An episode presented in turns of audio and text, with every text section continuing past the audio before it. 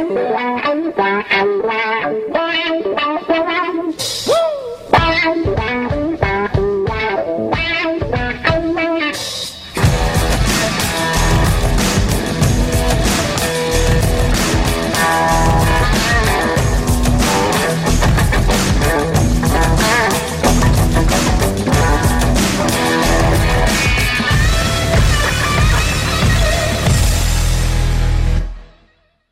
Welkom iedereen bij een nieuwe aflevering van Eindbazen. Vandaag hebben we weer een vrouwelijke eindbaas. Dat is onze tweede, hè, volgens mij. Eindbazin, Ja, eindbazin, ja. En eh, een hele bijzondere, want degenen die ons een beetje volgen, en met ons bedoel ik mij en Michel, hebben jullie onlangs vast wel meegekregen dat wij vanuit Nutrofit een keertje een ijstraining hebben gedaan. Je kent het wel, Wim Hof. Dat is die eh nou, mafkees, mag je het eigenlijk wel noemen. Dat is die man die altijd eh, in de Noordpool gaat zwemmen, eh, de bergen gaat beklimmen in, in Polen. Nou, de kli, kli- klim- hoe zeg je het? Kilimanjaro. Kilimanjaro-berg. Om daar vervolgens in zijn blote bast ja, zichzelf iedere keer te overtreffen. Om in koud weer ehm, ja, eigenlijk daar alle activiteiten en records neer te zetten. Toen dachten Michel en ik, nou dat kunnen wij ook. En we hebben dat toen gedaan bij Lex Naturalis. En vandaag hebben we bij ons een holistische wetenschapster, Kelly Mostard. Zeg ik dat zo goed? Is dat een goede introductie? Ja, hè? Ja, wel prima. nou, Ja, Perfect. Ehm, wat wij ontzettend bijzonder vonden aan heel die training... was dat je eh, in een zeer korte tijd ehm, jezelf eh, echt goed kan leren kennen... en jezelf ook kan goed kan overtreffen. Ehm, en dat het alles te maken heeft met een soort, ja, hoe zullen we het noemen? Een soort primal instinct. Hmm. Zo mag je het wel noemen. Zo heb ik het in ieder geval ervaren. En jij volgens mij ook, Mick. Ja, het was eh, pittig. En het was pittig, maar ook een stukje, ja, echt even terug de natuur in. En volgens mij gaat heel jouw specialisatie, holistische wetenschap, gaat over... ehm, is dat ja, eigenlijk de natuurlijke wetenschap, mag je het zo noemen? Of wat is er een goede benaming voor? Eh, ja, wetenschap is even iets te groot woord. Ik ben natuurlijk opgeleid als wetenschapper, maar ik ben on- ondertussen meer eh, coach en trainer. Mhm. Dus ik werk wel eh, mee soms aan onderzoeken, maar dat is niet mijn hoofdwerk. Dus ik ben niet eh, Wat is, constant jouw, bezig met wetenschap. wat is jouw wetenschappelijke achtergrond? Eh, medische biologie, medisch-evolutionaire biologie. Oh, wauw. Ja. Dat is een hele mond vol. Wat Ja. doe je dan? Ja. Eh, wat doe je dan? Ja, je kijkt gewoon naar de evolutie van mens en dier en je gaat daar verbanden uit eh, halen en eh, die toepassen in de hedendaagse gezondheidszorg. En toen kwam je tot de conclusie dat koud weer beter voor je is. Precies. Want jij bent eh, een van de redenen eh, wa- waarom eh, jij gewoon een eindbaas bent, is dat jij onder andere Wim Hof hebt onderzocht. wat in het begin nog steeds gewoon eigenlijk een mafkees was. En op een gegeven moment werd hij een beetje onderzocht door universiteiten. Onder andere Ja. de universiteit waar jij studeerde. En door dat soort onderzoeken is er eigenlijk wel een balletje gaan rollen. Waardoor Wim in één keer een, ja, toch wel een bekendheid werd. En ook zeker in de medische wereld een paar ja, wenkbrauwen zien doen, doen fronsen. Toch? Ja, absoluut. absoluut. Eh, het onderzoek is gedaan door Radboud Universiteit, laatste onderzoek, eh, Mhm. in 2013. En dat is eh, een onderzoek geweest na een, een reeks van andere onderzoeken... waarbij de methode werd overgedragen op een aantal andere proefpersonen. Om dus te kijken of Wim nou een freak of nature is... of dat iedereen dit kan. Oké, eh, en was hij een freak of nature? Of, eh? Nee, hij is dus geen freak of nature, want iedereen kan dit dus. Eh, we hebben dat met eh, twaalf eh, proefpersonen hebben we getraind in de Poolse sneeuw. Zijn de berg op geweest, ademhalingsoefeningen gedaan. En dat dan samen met Wim eh, en mijn team, Karen Pijper en eh Driekes Bernhard... eh, hebben we die proefpersonen getraind. En die hebben daarna dezelfde test ondergaan als eh, Wim in het ziekenhuis. Dat was dat ze ingespoten werden met een eh, dode bacterie. Normaal gesproken krijg je dan een heel heftige immuunreactie. Net alsof je heel eh, erge griep krijgt. Maar Wim die had al eerder aangetoond dat hij dat dus kon onderdrukken. Eh, dat zijn eh, ontstekingseiwitten totaal verschillend zijn dan de ontstekingseiwitten die normaal gesproken vrijkomen. Mhm. Dus hij had vooral ontstekingsremmende eiwitten die vrijkwamen. En normaal gesproken heb je vooral ontstekingsbevorderende eiwitten. Bij die twaalf proefpersonen exact hetzelfde. Zelfde waardes. En ehm, ja, de wetenschap, de wetenschap staat eigenlijk paf. Mhm. Eh, het was altijd gedacht dat je je auto-immuunsysteem niet zelf kon beïnvloeden. Dat is eh, een autonoom geregeld proces, het woord zegt het al. Eh, Het gebeurt zonder dat je daar invloed op hebt. Maar dit was dus een, een bewijs dat je dus wel middels je ademhaling, middels je focus en inzet, koude training, dat je dus tot in dat auto, autonome zenuwstelsel kan komen en je eigen immuunsysteem kan beïnvloeden. Want Wim Hof, die is, die is al... Hoe lang is die al mee bezig? Weet je dat toevallig? Ja, al sinds een eh, vijftiende, zeventiende. Precies, dus die, eh, die is hier echt al lang mee bezig. En de jongens en de meiden die jullie hebben onderzocht... eh, Tien op- dagen training hebben ze gehad. Nou, dat is niet normaal. Nee. En, Vier dagen in Polen.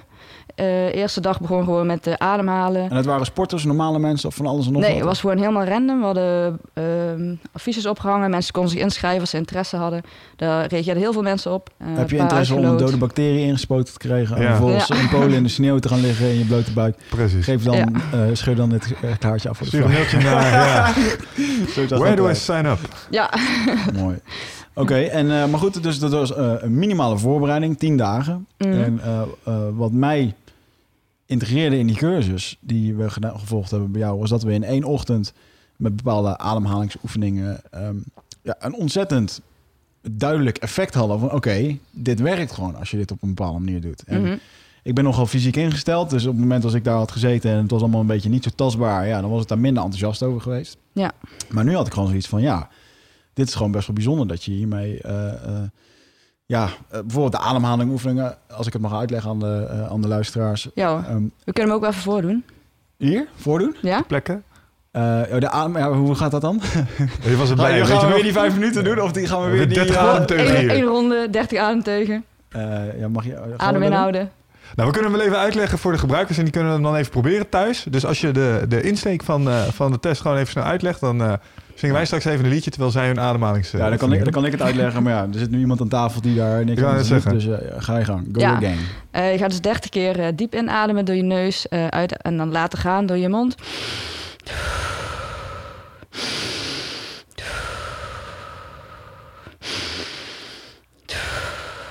Dat doe je 30 keer. Laatste keer weer diep in, helemaal uit. Stop.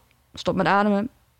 Dan ga je kijken hoe lang je zonder te ademen vol kan houden. Op een gegeven moment voel je weer ademprikkel. Adem je diep in.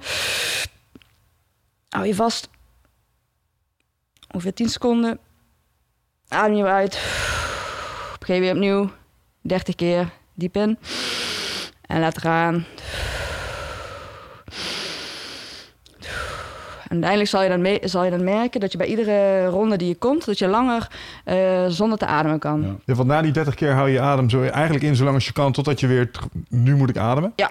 Ja, precies. Ja. Ja. dat hebben wij ook ondergaan natuurlijk. En ja, de resultaten die waren ernaar. Ik had de eerste keer, ik geloof iets van eh 24 of 20 seconden. En, en het is inderdaad heel belangrijk dat je dus niet forceert om Ja. je adem in te houden. Het is echt gewoon wanneer je weer gewoon natuurlijk moet Ja, ademen. ongeforceerd, met zachtheid, goed naar je lichaam luisteren. Het is ook eigenlijk, is de, eh, die retentie heet dat, dus eh, de periode dat je niet ademt, die is puur bedoeld om te kijken of je progressie maakt. Of Ja. die ademhaling effect heeft, zodat je steeds dieper komt Ja. en contact kan maken met je autonome zenuwstelsel. Want eerst was dat eh, 24 seconden bij mij en daarna was het 80 seconden. Ja, het liep snel op. Bij jou was dat ook. eh, na, na, na vijf rondes was het 80 seconden dat ik. eh, en het was heel, heel vaag dat ik ehm, in de tijden dat ik niet. Dat je eigenlijk gewoon aan het klokken was. Hè, dat je van hoe lang kan je dit volhouden. Dat je eigenlijk heel erg bewust bezig was. Ik merkte dat die soort bewustzijn. Dat werd een soort van eh, meditatieve Ja. staat waar je in kwam. Zo, zo ervaarde ik dat. Hmm. Soms ik, ik mediteer regelmatig. De ene keer kom ik er helemaal niet in. En soms dan heb ik daar... Afgelopen week had ik trouwens een hele goede week. Echt iedere dag gewoon lekker... Ja, relaxed, man. dus je moet het ook wel absoluut blijven doen. Daar ben ik eh, van overtuigd. Ehm, maar ik vond het een hele... ehm, ja, ik vond het heel mooi dat je op een gegeven moment echt zat te beseffen van... Wow, ik heb echt bijna anderhalf minuut geen adem gehaal- gehaald. En nou, toen zag ik nog steeds wel... Er zaten er een paar in de zaal die hadden 2,5 minuten of iets dergelijks. Ja. Ja. wisten ze te halen. Ja, Dat is lang. Ja. dat was zeker lang, ja. Ja. Maar, Ja. Maar goed, eh, het oefening baart kunst, denk ik natuurlijk. Precies. ook hierin. Ja. En wat ik heel erg bijzonder vond, en dat is een mooie fysieke aspect... dat wij van tevoren moesten opdrukken zo vaak als dat je kon. Hmm. En dat zo vaak als dat je kon, eh, betekent ook dat niet nog een keertje pauzeren bovenin... en dan nog een keer drie eruit persen. Gewoon, eh, als je het gewoon Eén technisch niet keer lukt. maximaal. Precies. Ja. De eerste keer had ik eh 200 keer. Nee, lig Ja. trouwens. De eerste keer, Heel bedrijven, hè? 100. Op de knieën. de eerste keer was 64 keer. En eh, toen hebben we vervolgens deze oefeningen gedaan... waarbij je adem moest inhalen, die vijf setjes. En vervolgens moesten we nog een keer 30 keer inademen, weer uitblazen... en vervolgens je adem eh, niet opnieuw inhalen, maar weer gaan opdrukken... zonder in te ademen. En toen had ik 84 Push-ups. push-ups. Ja. Zeg ik dat goed of 72? In ieder geval, het waren er meer dan vrij. Ja, het, geloof ik. Laten we zeggen dat het 72 waren. Ik doe eigenlijk iedere keer dat ik het verhaal vertel, doe ik er vijf bij voor. Snap ik. Dat, Eh, dat hoort er ook bij, hè, bij de methode. En eh, ik vond dat super tof, want dat betekent dus eigenlijk dat je gewoon eh, ja, fysieke inspanning eh, kan doen. Terwijl je lichaam daar daadwerkelijk op kan trainen. Dat je gewoon minder zuurstof nodig hebt en dat je eigenlijk nog steeds hartstikke goed kan functioneren. Ja. Wat is precies ehm, het idee achter deze oefening? Wat is, wat is de gedachte? Waarom doet een Wim Hof deze oefening? Ehm, nou, het is begonnen, zeg maar. eh, hij is begonnen met die koude training. Eh, en om dat beter te kunnen doorstaan, moet je anders gaan ademen. Want anders heb je heel snel de neiging om heel hoog te gaan zitten, heel erg ge- ge- verkrampt. Met hoog bedoel je hoog in je borst. Ja, hoog en Ja. ehm, Aangespannen. ja, aangespannen, weet je wel, koud, oh, verschrikkelijk. Ja. Het is belangrijk om dan, eh, en dan krijg je ook meer pijn natuurlijk. Dus dan gaan die pijnreceptoren veel harder eh, vuren. Dus als je dan goed diep doorademt, dan kan je dat al voorkomen, waardoor je dus veel, met veel meer controle dat ijs in kan. Ja. Dus dat is eigenlijk eh, hoe het is begonnen. En uiteindelijk, na 20 jaar, toen de wetenschap ging kijken, dan kom je erachter dat het nog veel meer effecten heeft. Dus ontzuring, eh, dat je je verzuring tijdens sport ook kan uitstellen. Maar ook zoals bij ziektes eh, die ontstaan uit verzuring en ontsteking, dat het daar uiteindelijk misschien een effect op zou kunnen hebben. De wetenschap is nog, eh, ja, is nog in volle gang. Staat nog in de kinderschoenen, maar de, de interesse is er. Het Reumafonds geeft geld daarvoor om te onderzoeken. Dus ja, wie Dat weet. vind ik een hele interessante, want een, eh, een, vriend van mij, zijn vader, heeft onlangs eh, reuma gekregen. Mhm. Ehm, eh, wat is waarom is een reumafonds hierin geïnteresseerd? Ehm, door de ontstekingseiwitten die je ziet in het bloed bij de Mhm. proefpersonen en bij Wim zelf na het doen van de ademhalingsoefening, die remt eigenlijk de ontstekingsreactie. Reuma is een chronische ontsteking, Mhm. dus uh, een auto-immuunziekte. Dus je immuunsysteem valt je eigen cellen aan. Ja. Onterecht. Het is een overactief immuunsysteem. En als je op de lange duur, zeg maar bij chronische ziekte, dus iedere keer diezelfde eh, reactie zou kunnen opwekken, dus door het remmen van de ontstekingsbevorderende eiwitten en het ehm, opwekken van die ontstekingsremmende eiwitten, dan zou je dus misschien ontsteking op lange termijn kunnen onderdrukken. Ja, want je zegt dat Of van je medicijnen af kunnen komen. een aantal maal eh, ontstekingsremmende eiwitten, ehm, ontstekingsbevorderende eiwitten. Hoe Mhm. werkt dat precies? Er zit een mechaniek in je lichaam dat bepaalde eiwitten gaat afgeven en als gevolg daarop gaat je lichaam ergens ontsteken of iets dergelijks. Hoe moet ik dat zien? Eh, ja. Ehm, je hebt bepaalde ontstekingseiwitten. vaak bij een eh, infectie komen eerst de ontstekingsbevorderende eiwitten en later pas de ontstekingsremmende eiwitten. Dus eerst moet de infectie op gang komen om eh, die pathogenen aan te vallen, dus die indringers van buitenaf. Ja. Om vervolgens weer de infectie te remmen als het niet meer nodig is. Bij een auto-immuunziekte zijn die ontstekingsbevorderende eiwitten steeds veel te actief, Ja. zonder reden. Oh, die keren zich dan tegen je eigen lichaam? Ja. Ja, oké. Eh, Komt reuma is er één van. Eh auto-immuunziekte is een heel erg breed begrip. Ja. En is er nou gebleken dat koud weertraining... ehm, dat dat bijvoorbeeld eh, eigenlijk voor al, die, eh, voor al dat soort auto-immuunziekten... dat het daarvoor baat heeft? Is het gewoon algemeen dat het goed is voor je im- auto-immuun... Want als iets goed is voor je auto-immuunsysteem... Voor je Ja. immuunsysteem. ja. Ja, en volgens mij zijn koffiebonen ook algemeen goed voor je auto-immuunsysteem. Weet je, want dat soort dingen krijg je nou is goed voor je auto-immuunsysteem. Wat, want auto-immuunsysteem is best wel een breed begrip, zeg maar. Wat het doet nou precies die koud weertraining, dat het zo uniek maakt. En kan dat bijvoorbeeld dan met één keer, of moet je het dan regelmatig doen? Ja, dus dat zijn ze nu ook aan het bekijken. Van eh, die Wim Hof methode is natuurlijk die drie onderdelen. Dus koude training, eh, ademhaling en een soort van focus inzet. Ehm, die drie dingen hebben we samen onderzocht. En die hebben dus effect eh, op het immuunsysteem. Daarmee kan je dus effect uitoefenen op het immuunsysteem. En die drie dingen eh, los, die willen ze ook nog onderzoeken. De ademhaling, dat is redelijk duidelijk.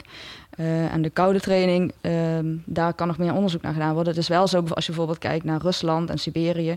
Daar trainen ze mensen met gooien, gooien ze koud water emmers overheen kinderen op schoolpleinen om juist het immuunsysteem in de winter, als je dus meer eh, vatbaar bent voor virussen, om het te versterken. Ja, mijn moeder zet altijd heel erg laag de verwarming, want dat is beter voor je immuunsysteem. Maar wacht even, sorry, Ja. ik het goed begrijp. Dus dat ik vond ik heel het. irritant, en dan kom ik thuis en was het fucking koud.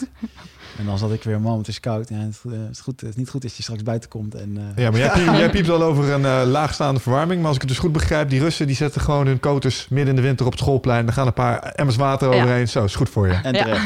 Jezus, bikkels die Russen. Ja, Ja, ja maar het werkt blijkbaar. eigenlijk is dat heel normaal, alleen wij vinden het... waarom- er- is dat eigenlijk helemaal? ik daar wat vragen? Zijn er dan bijvoorbeeld ook dan eh, gegevens over dat auto-immuunziekte eh, niet voorkomen in Rusland of minder? Of minder, ja. is daar- is nou, die bekend? koude weertraining die heeft dus wel effect op eh, het aantal eh, kinderen die griep krijgen. Hm. Dat daalt. Nou, Rusland Hm. is natuurlijk... Ja, nou, Rusland is wel een, gro- een groot, een groot land natuurlijk ook. Is lastig om daar... eh, ik vraag me af of ze daar hun dossiervorming dermate op orde hebben dat je daar echt eh, uitspraken over Ik kunt denk doen. als eh, Poetin nog steeds pamfletten uitdeelt op bepaalde gebieden, dat het zorgsysteem... elektro- Geen EPD daar. dat denk ik ook inderdaad niet. Oké, als we even teruggaan naar de, teruggaan naar de basis, want we kunnen hier we gaan veel te snel weer uitwijken naar allerlei detailwerk. Hoe ben je eigenlijk in contact gekomen met, met Wim Hof en de methode, wat hij deed? En hoezo ben je erbij gekomen om dat te gaan bestuderen? Eh, nou, ik deed vroeger eigenlijk altijd al. Met mijn stiefmoeder gingen we gewoon het hele jaar door eigenlijk zwemmen. Eh, zij had reuma. En zij, eh, zij vond dat gewoon intuïtief lekker aanvoelen voor haar botten, voor haar gewrichten. Ze kreeg dan minder pijn. Hm. Dus we gingen gewoon het hele jaar door, s ochtends eh grindgat in en dan gewoon lekker zwemmen. En naarmate het kouder werd, werd die tijd wel korter. Dat wel. We gingen geen half uur zwemmen als het min 10 was. Eh, dus daar is eigenlijk de voorliefde begonnen voor het koude water. En toen, op een gegeven moment ging ik studeren. Hoe oud was je toen? Ja, toen eh, was ik tussen de 7 en de 18. Ja, dus we probeerden al vroeg een ijskoningin van jou te maken. Ja, met succes. En toen ging je studeren? En toen? Ja, toen ging ik studeren en toen eh het is er allemaal bij blijven zitten. Dan ging ik stappen en zo. En toen ging ik niet meer vroeg opstaan om ergens in een wak te springen of in een Niet? koud, eh, koud meer. Lijkt Nee, me wel perfect eh, tegen de kaartes. ja, eigenlijk wel. Ja. Hoe bikkel zou dat zijn als je gewoon op zo'n studentencollege zit, weet je wel? En dat je gewoon, hé jongens, ik ga even zwemmen. Gewoon Ja. even je eigen wak hakt. En vervolgens erin springt om je kater even weg te blussen. Waarom neem je een bel mee? Je ging toch zwemmen? Ja. Mooi. Oké, nou, maar op een gegeven moment zag ik dus Mhm. Wim weer op tv. En, eh, of nee, van een vriend hoor. Nee, ik zag hem op tv en toen hoorde ik van een vriend dat hij dus eh, workshops gaf. Dus ging ik het opzoeken. Mhm. Toen dacht ik, hé, hey, dat, eh, dat ziet er wel cool uit. Dat wil ik ook wel weer doen. En toen ging ik dus me opgegeven voor een weekendje, een weekendworkshop. Nou, toen bleek dus dat het blijkbaar de instructeursopleiding was. Er was nog een weekend, kwam daarna. Foutje. Ja, foutje. Toen kwam er nog een week in Spanje met ook eh hoogteuitdagingen om je angst te overwinnen, van een brug afspringen. Eh, In een bungee jump eh, idee? Of, ja, hoe, eh, pointing, dus aan eh, touwen van eh 60 meter hoge brug afspringen. En dan zit je gewoon aan een touwtje in een, Oh, en dan een zwier je zo en weer. Zo'n katapultachtig. Ja. ja, noemen ze dat. Ja, ik snap Is dat goed voor je rug? Vraag ik me dan altijd af. Nee, want je hangt, je hangt gewoon aan een touw, maar je zwiert gewoon lekker. Het is alsof je op een schommel zit, maar die schommel is gewoon 200 Ja, meter ja, lang. ja, maar ik neem aan dat je niet met eh slek op dat touw eerst die brug afmieteren, zodat het touw lekker op spanning kan komen terwijl het je val breekt. Dat zal wel heel geleidelijk gaan. Jou zouden ze Ja. waarschijnlijk op de rand zetten met een achterwaartse trap. Zo, Ja. dit is een Sparta-achtige scène. Zo, Ja, je, valt sowieso trappen. in een soort van scho- schommelbeweging. Dus Ja. je valt in Ja, de, oké, in de check. hoek en Ja, dan... check, eh, double check. Oké, oké. Nou, dus, eh, Maar ik heb daarna wel twee jaar pijn aan mijn rug. Toch wel. Nee hoor, en de whiplash. Ja. maar goed, koud weer doet ook goed voor je, voor je auto-immuunsysteem. Hey, maar en toen, eh, ehm, je hebt toen best wel veel gedaan, want net de, de, eh, alle tripjes die je noemde, ehm, als ik het zo hoor, dan eh, is Wim ook heel erg op mindset, je, je angst Mhm. overwinnen, geloof in jezelf. Toen Ja. Met de cursus ging het ook heel erg over eh, yoga, wat voor heel veel mensen heel suf zou klingen, was klinken. maar Mijn favoriete onderdeel. ja, het had meer met je motor- motoriek te maken. Mhm. Ja, dat was lastig. Maar het is wel, yoga is wel gewoon de basis van heel veel, eh, ehm, eh, ja, hoe zeg ik het? In ieder geval voor je ademhaling. Mhm. Want we hadden, jij noemde net eventjes van dat je ademhaalt eh bovenin je schouders, dat, eh, de korte ademhaling. Mhm. Ehm, dat is iets wat heel veel mensen zich aanleren. Dat is iets wat, wat we niet doen als kind zijn, maar om een of andere reden Onbewust, ja. Gebeurt dat. Hoe, hoe Ja. komen we daarbij? Waarom doen we dat?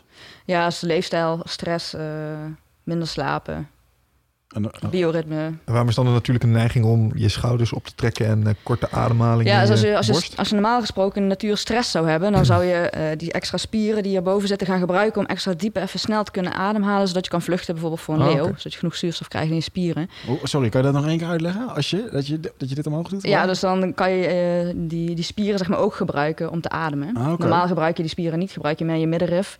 Ja, Maar dan kan je dus actief wat sneller en wat eh, geforceerder ademen. ja, precies. Als je dus constant het gevoel hebt dat je stress hebt en dus constant zo ademt, dan, ja, dan gaat dat mis. Dan krijg je ook pijn in je nek, pijn Ja. in je rug. Ja, want dat was natuurlijk alleen voor noodgevallen bedoeld. Maar als Ja. je constant zo zit, dan... eh, Ja. Ja, ja, ja. Dus de eerste conclusie is dat we eigenlijk gewoon meer tijgers achter ons aan zouden moeten hebben. Zo gezonder voor we blijven ademen.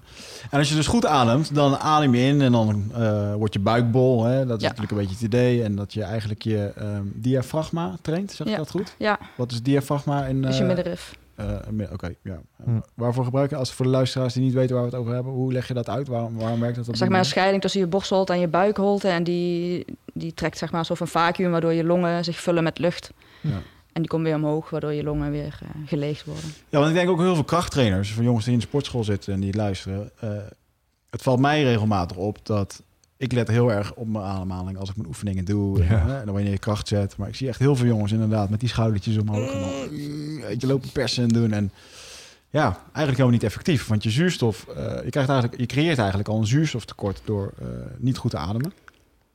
Waardoor je ook sneller gaat verzuren. Eh, dus eigenlijk heeft het best wel wat baat bij om gewoon goed te, goed te leren ademen. En daar is yoga natuurlijk automatisch goed voor. De ademhalingstechniek van Wim komt ook uit de yoga. Dat is eigenlijk de Tumo-ademhaling. Dus hij heeft het eh, daarvan en dan samen met die kou samengevoegd tot zijn methode. Dus het is een, een eeuwenoude ademhalingstechniek die al bestond. Ja. En dat is eigenlijk Daarmee wek je ook heel veel warmte op in je lichaam. Je ziet wel eens van, eh, ja, misschien heb je al zo'n filmpjes gezien van die vrouwen die dan in een kring zitten. En die hebben dan van die natte doeken over zich heen. En die gaan dan die ademhaling doen. En dan wordt hun eh, lichaamswarmte wordt ongeveer 1 tot 1,5 graad hoger. En dan drogen ze die doeken met hun eigen lichaam. ja, serieus. het is een soort- een soort yoga-oefening. Ja. En dat met die doek, is dat een traditie ergens of zo? Of is dat nou, een, dat eh, is een oefening, een soort van eh, concentratie, meditatie oefening, waarin je die Oké. ademhaling aan Je mag pas naar huis als hij droog is. Ja. Ja. En als het dan min 40 graden is, Dan weet zit je er nog wel even, eh, ja. Wat, wat, wat zorgt ervoor in je lichaam dat je het eh, warm of koud hebt? Want als ik bijvoorbeeld, als ik een keertje, net straks eh, we een eerste podcast vandaag gedraaid. Eh, oh nee, die hebben we pas vorige week gedraaid. Sorry, Mm. op. Mm. Eh, we, hebben- nee, we hebben deze ochtend alweer eentje op zitten. En vervolgens dan zijn we daar een soort van klaar. En dan zit ik hier een beetje te rillen van de kou, omdat ik weet dat ik nou, een soort van weer honger ga krijgen. Hm. Dus, wat, wat triggert ons mechanisme dat we het koud of warm hebben? Ja, koud en warm heeft vooral te maken met je doorbloeding. Met je bloedvatsysteem, hoe goed dat werkt. Eh, bloedvaten zijn eigenlijk helemaal omgeven door eh, spieren. En eh, hoe beter die kunnen sluiten en openen, hoe beter die eh, temperatuur geregeld kan worden. Nu zitten wij altijd in ongeveer 20, 21 graden. In de zomer zitten we binnen in de airco op 20 graden. En in de winter zitten we binnen in de verwarming 20 graden. In de auto 20 graden, overal is 20 graden, winkels. Dus die bloedvaten die hoeven eigenlijk nooit meer te werken. Die hoeven bijna nooit te sluiten en niet te openen. Als je dan een- onder een koude douche gaat staan bijvoorbeeld, dan, dan moeten ze weer echt even flink samenknijpen. En dan train je die spieren van, het bloedva van die bloedvaten. En je merkt ook meteen, als je koud gaat douchen, dat je het minder koud krijgt. hm. Ja. Bijna één op één resultaat. Heeft in dat opzicht koud douchen soortgelijke voordelen als ehm, in zo'n ijsbad stappen? Ja. Is dat de moeite waard om te doen? Zeker, ja. Ja, wat zijn de voordelen van, van 's ochtends eh, zo beginnen? Dus je bloedvaten trainen, Ja. eh, ook je mindset. En doordat je in een koude douche gaat eh, Ja, staan. het is wel een daad van discipline natuurlijk. Ook, ja, tuurlijk. Ja. Ja. Oh, of bedoelde je dat niet met mentaal? Ja. Ja, oké. ja. Ja, je moet wel discipline opbrengen om het te doen. Dus je moet, ja. je moet een keuze maken. Doe ik de rechterknop of de linkerknop? Het is een makkelijke keuze, makkelijke handeling, maar Totdat je een koude plens water over je ons heen krijgt. precies. Eh, En dus, eh, en dus die diepe ademhaling om ook eh, gecontroleerd te blijven. Ja, want wat is dat die reflex in mensen als je onder een koude douche stapt? Of je gaat wel eens naar de sauna, dan heb je zo'n emmer hangen. Die mag dan over je kop heen leegtrekken. En dan, eh je, je- weet je, als het dat, waarom staat dat zo vast als reactie op een, We zijn niet meer gewend, hè? We zijn het verleerd. Ik denk het wel. gewoon puur onwennigheid? Ja. ja. Ja, je lichaam is er ook niet echt gek op of zo. En we weten ook niet meer hoe we moeten ademen. We, we hebben geen temperatuursverschillen meer. We, hebben geen adem, we zijn niet bewust van onze ademhaling. En daarmee kan je gewoon heel veel teweeg brengen. Mhm. Dus ook die controle houden als je in een koude douche of een koud bad stapt.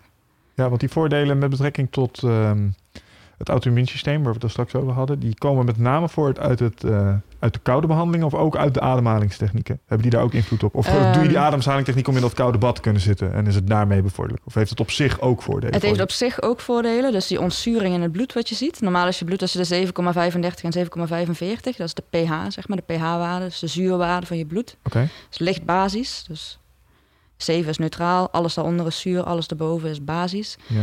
Eh, je ziet eh, bij die mensen die de ademhaling waren doen in, het, eh, in de intensive care units, dus in het ziekenhuis, deden we bloed afnemen tijdens de ademhaling. Dat die pH wel steeg tot 7,7. En dat is absurd hoog. Dat klinkt misschien niet veel, maar dat meet je alleen meestal bij mensen die bijna doodgaan. is dat gunstig?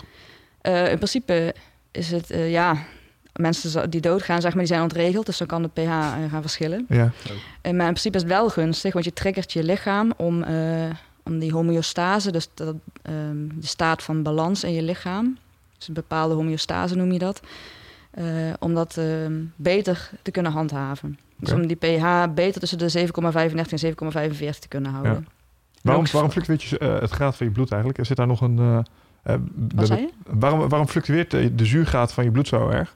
Nou, die fluctueert normaal dus niet. Nee, maar als gevolg Want dan van... ga je meteen, leg je het loodje eigenlijk, want die moet heel constant blijven. Ja, Is dat de zuurtegraad echt van je bloed of van je lichaam? Zeg maar? Van je bloed. Oké. Je, de zuurtegraad bijvoorbeeld als je een speeksel meet of een urine is wel heel anders. Ah, oké. Maar in bloed, die moet heel constant blijven, want dat is, ja, dat is eh, van levensbelang. Ja, Als die te veel schommelt, dan kunnen je organen niet meer werken, dan gaat eigenlijk alles mis. oké. Dus je bloed zal ook altijd kosten wat kost eh, die pH willen houden. Ondanks dat het misschien het omgevende milieu heel zuur is. Dus dan ga je allerlei eh, compensatiemechanismen aanspreken in je lichaam. En dat gaat dan weer ten koste van je gezondheid uiteindelijk. Eh, dus doordat de, eh, met die ademhaling ontzuur je eigenlijk zelfs je bloed. Waardoor die compensatiemechanismen weer eh, optimaler gaan werken. Hmm. En heeft dat, ehm, want je had het er straks over ehm, hoogtetraining volgens mij ook. Ja. Dat jullie op bepaalde hoogtes gaan werken. Dan Ja. gaan, gaan er ook dingen met je bloed gebeuren als het gaat om zuurstof volgens mij in je bloed. Ja, dus als je zo'n berg oploopt inderdaad, dan heb je natuurlijk ijlere lucht. Dus de zuurstofdruk in de lucht is lager. Ja. Eh, waardoor je, hoe hoger je komt, daardoor krijg je ook eh, hoogteziekte op een gegeven moment. Dus doordat je gewoon te laag in je verzadiging zit. Dus je saturatie in je bloed, dus de zuurstofverzadiging in je bloed is te laag. Ja. En dan krijg je hoogteziekte van. Eh, door middel van die ademhaling kan je dat tegengaan. Dus wij zijn toen ook de Monte Perdido opgegaan. Dat is een berg van 3500. Eh, normaal doe je er drie dagen over in anderhalve dag. In recordtempo eigenlijk naar boven gerend, zo kan je het bijna noemen. En weer naar beneden gerend. En je ziet ook Wim, die heeft dus eh, afgelopen januari met een groep van, ik geloof, 26 mensen. Nou, ergens tussen 20 en 30 mensen. Kilimanjaro opgelopen. En doe je normaal eh, zes dagen over. Ja. 6000 meter. Hebben ze in, wat was het nou, 36 uur zijn ze naar de top gelopen. Twee mensen zijn geloof ik afgevallen. Hoe hoog is dat? 6000. 6000. Ik heb een Bijna, een, bijna ik 6000. heb een boek gelezen van Wilco van Rooyen over de K1 of de K2 beklimmen. En die vertellen ook inderdaad dat ze op een gegeven moment last krijgen van hoogteziekte. En Mhm. dat betekent dus geen eetlust meer, eh, duizelen, Mm. constant Ja. braken en dat soort Heel dingen. En die, erg, ja. die hebben de tijd nodig om te wennen op bepaalde hoogtes. Ja. Hoor ik jullie nou zeggen dat jullie die stap gewoon overslaan en gewoon... Dan weet ik niet of de K2 eh, ook maar in de buurt komt van 6000 meter. Misschien is hij wel hoger, dat weet ik niet. Weet ik ook even niet. Nee, maar eh, jullie staan, eh, dat, dat eh, acclimatiseren slijden dus eigenlijk over. Het Ja. is gewoon in één lijn naar de top. Is dat niet bloedlink?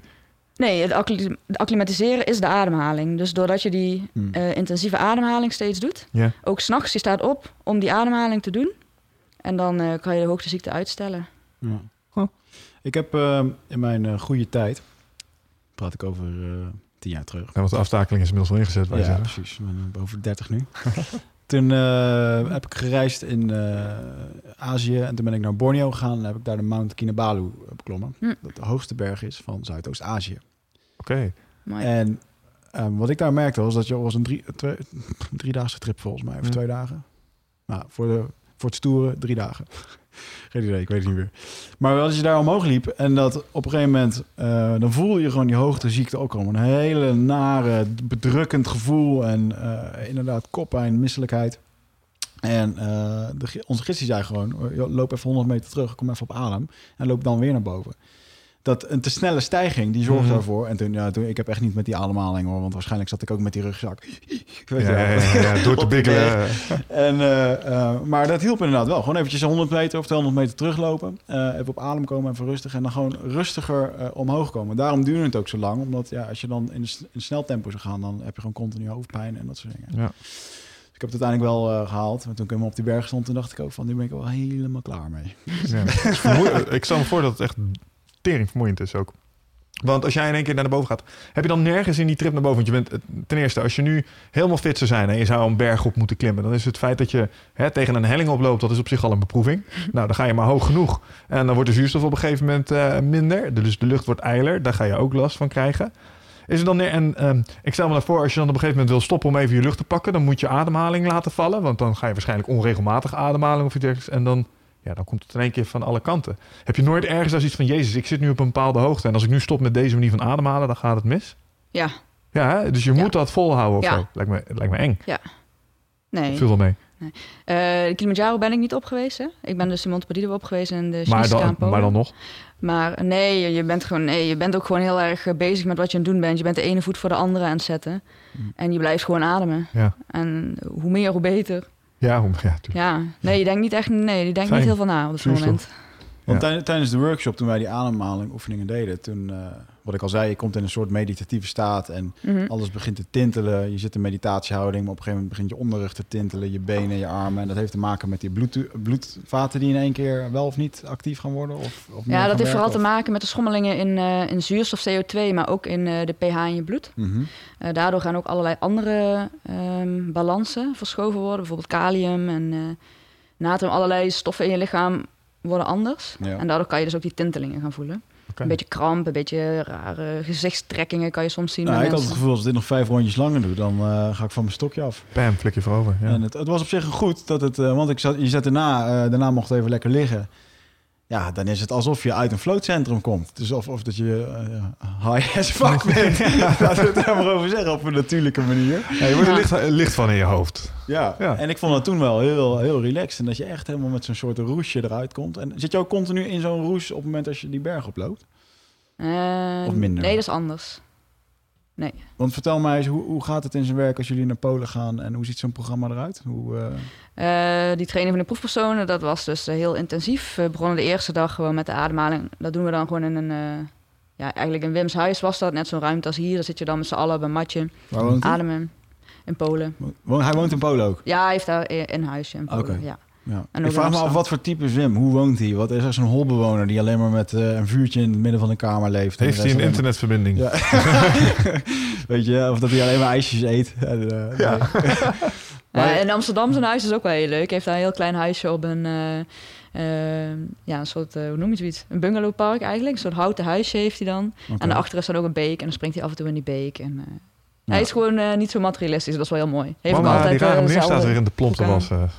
Nee, het is, het, ja, het, is een, eh, het is een heel markant figuur. En ik, eh, Ja. ik mag hem wel, want ik vind hem... eh, hij komt heel erg eigenwijs over. Ja, is je ook. Ehm, we, ehm, voor de luisteraars, we hebben hem overigens ook uitgenodigd voor deze podcast... waarin werd beaamd dat hij het een leuk idee vond... maar heel veel wat meer bekende Nederlanders... of die een druk schema hebben... die willen toch eerst even zien eh, hoe dat dit gaat lopen. Eh, dus ik ga jullie voor- garanderen dat hij... eh, in de eerste 50 moet hij er wel een keer in komen... dan komt die interesse wel. Dus dat is niet maar ik vond het wel een, hij is wel gewoon een eigenwijze. Ook als je hem op televisie ziet, is super eigenwijs. Hij is niet, niet op zijn mondje gevallen.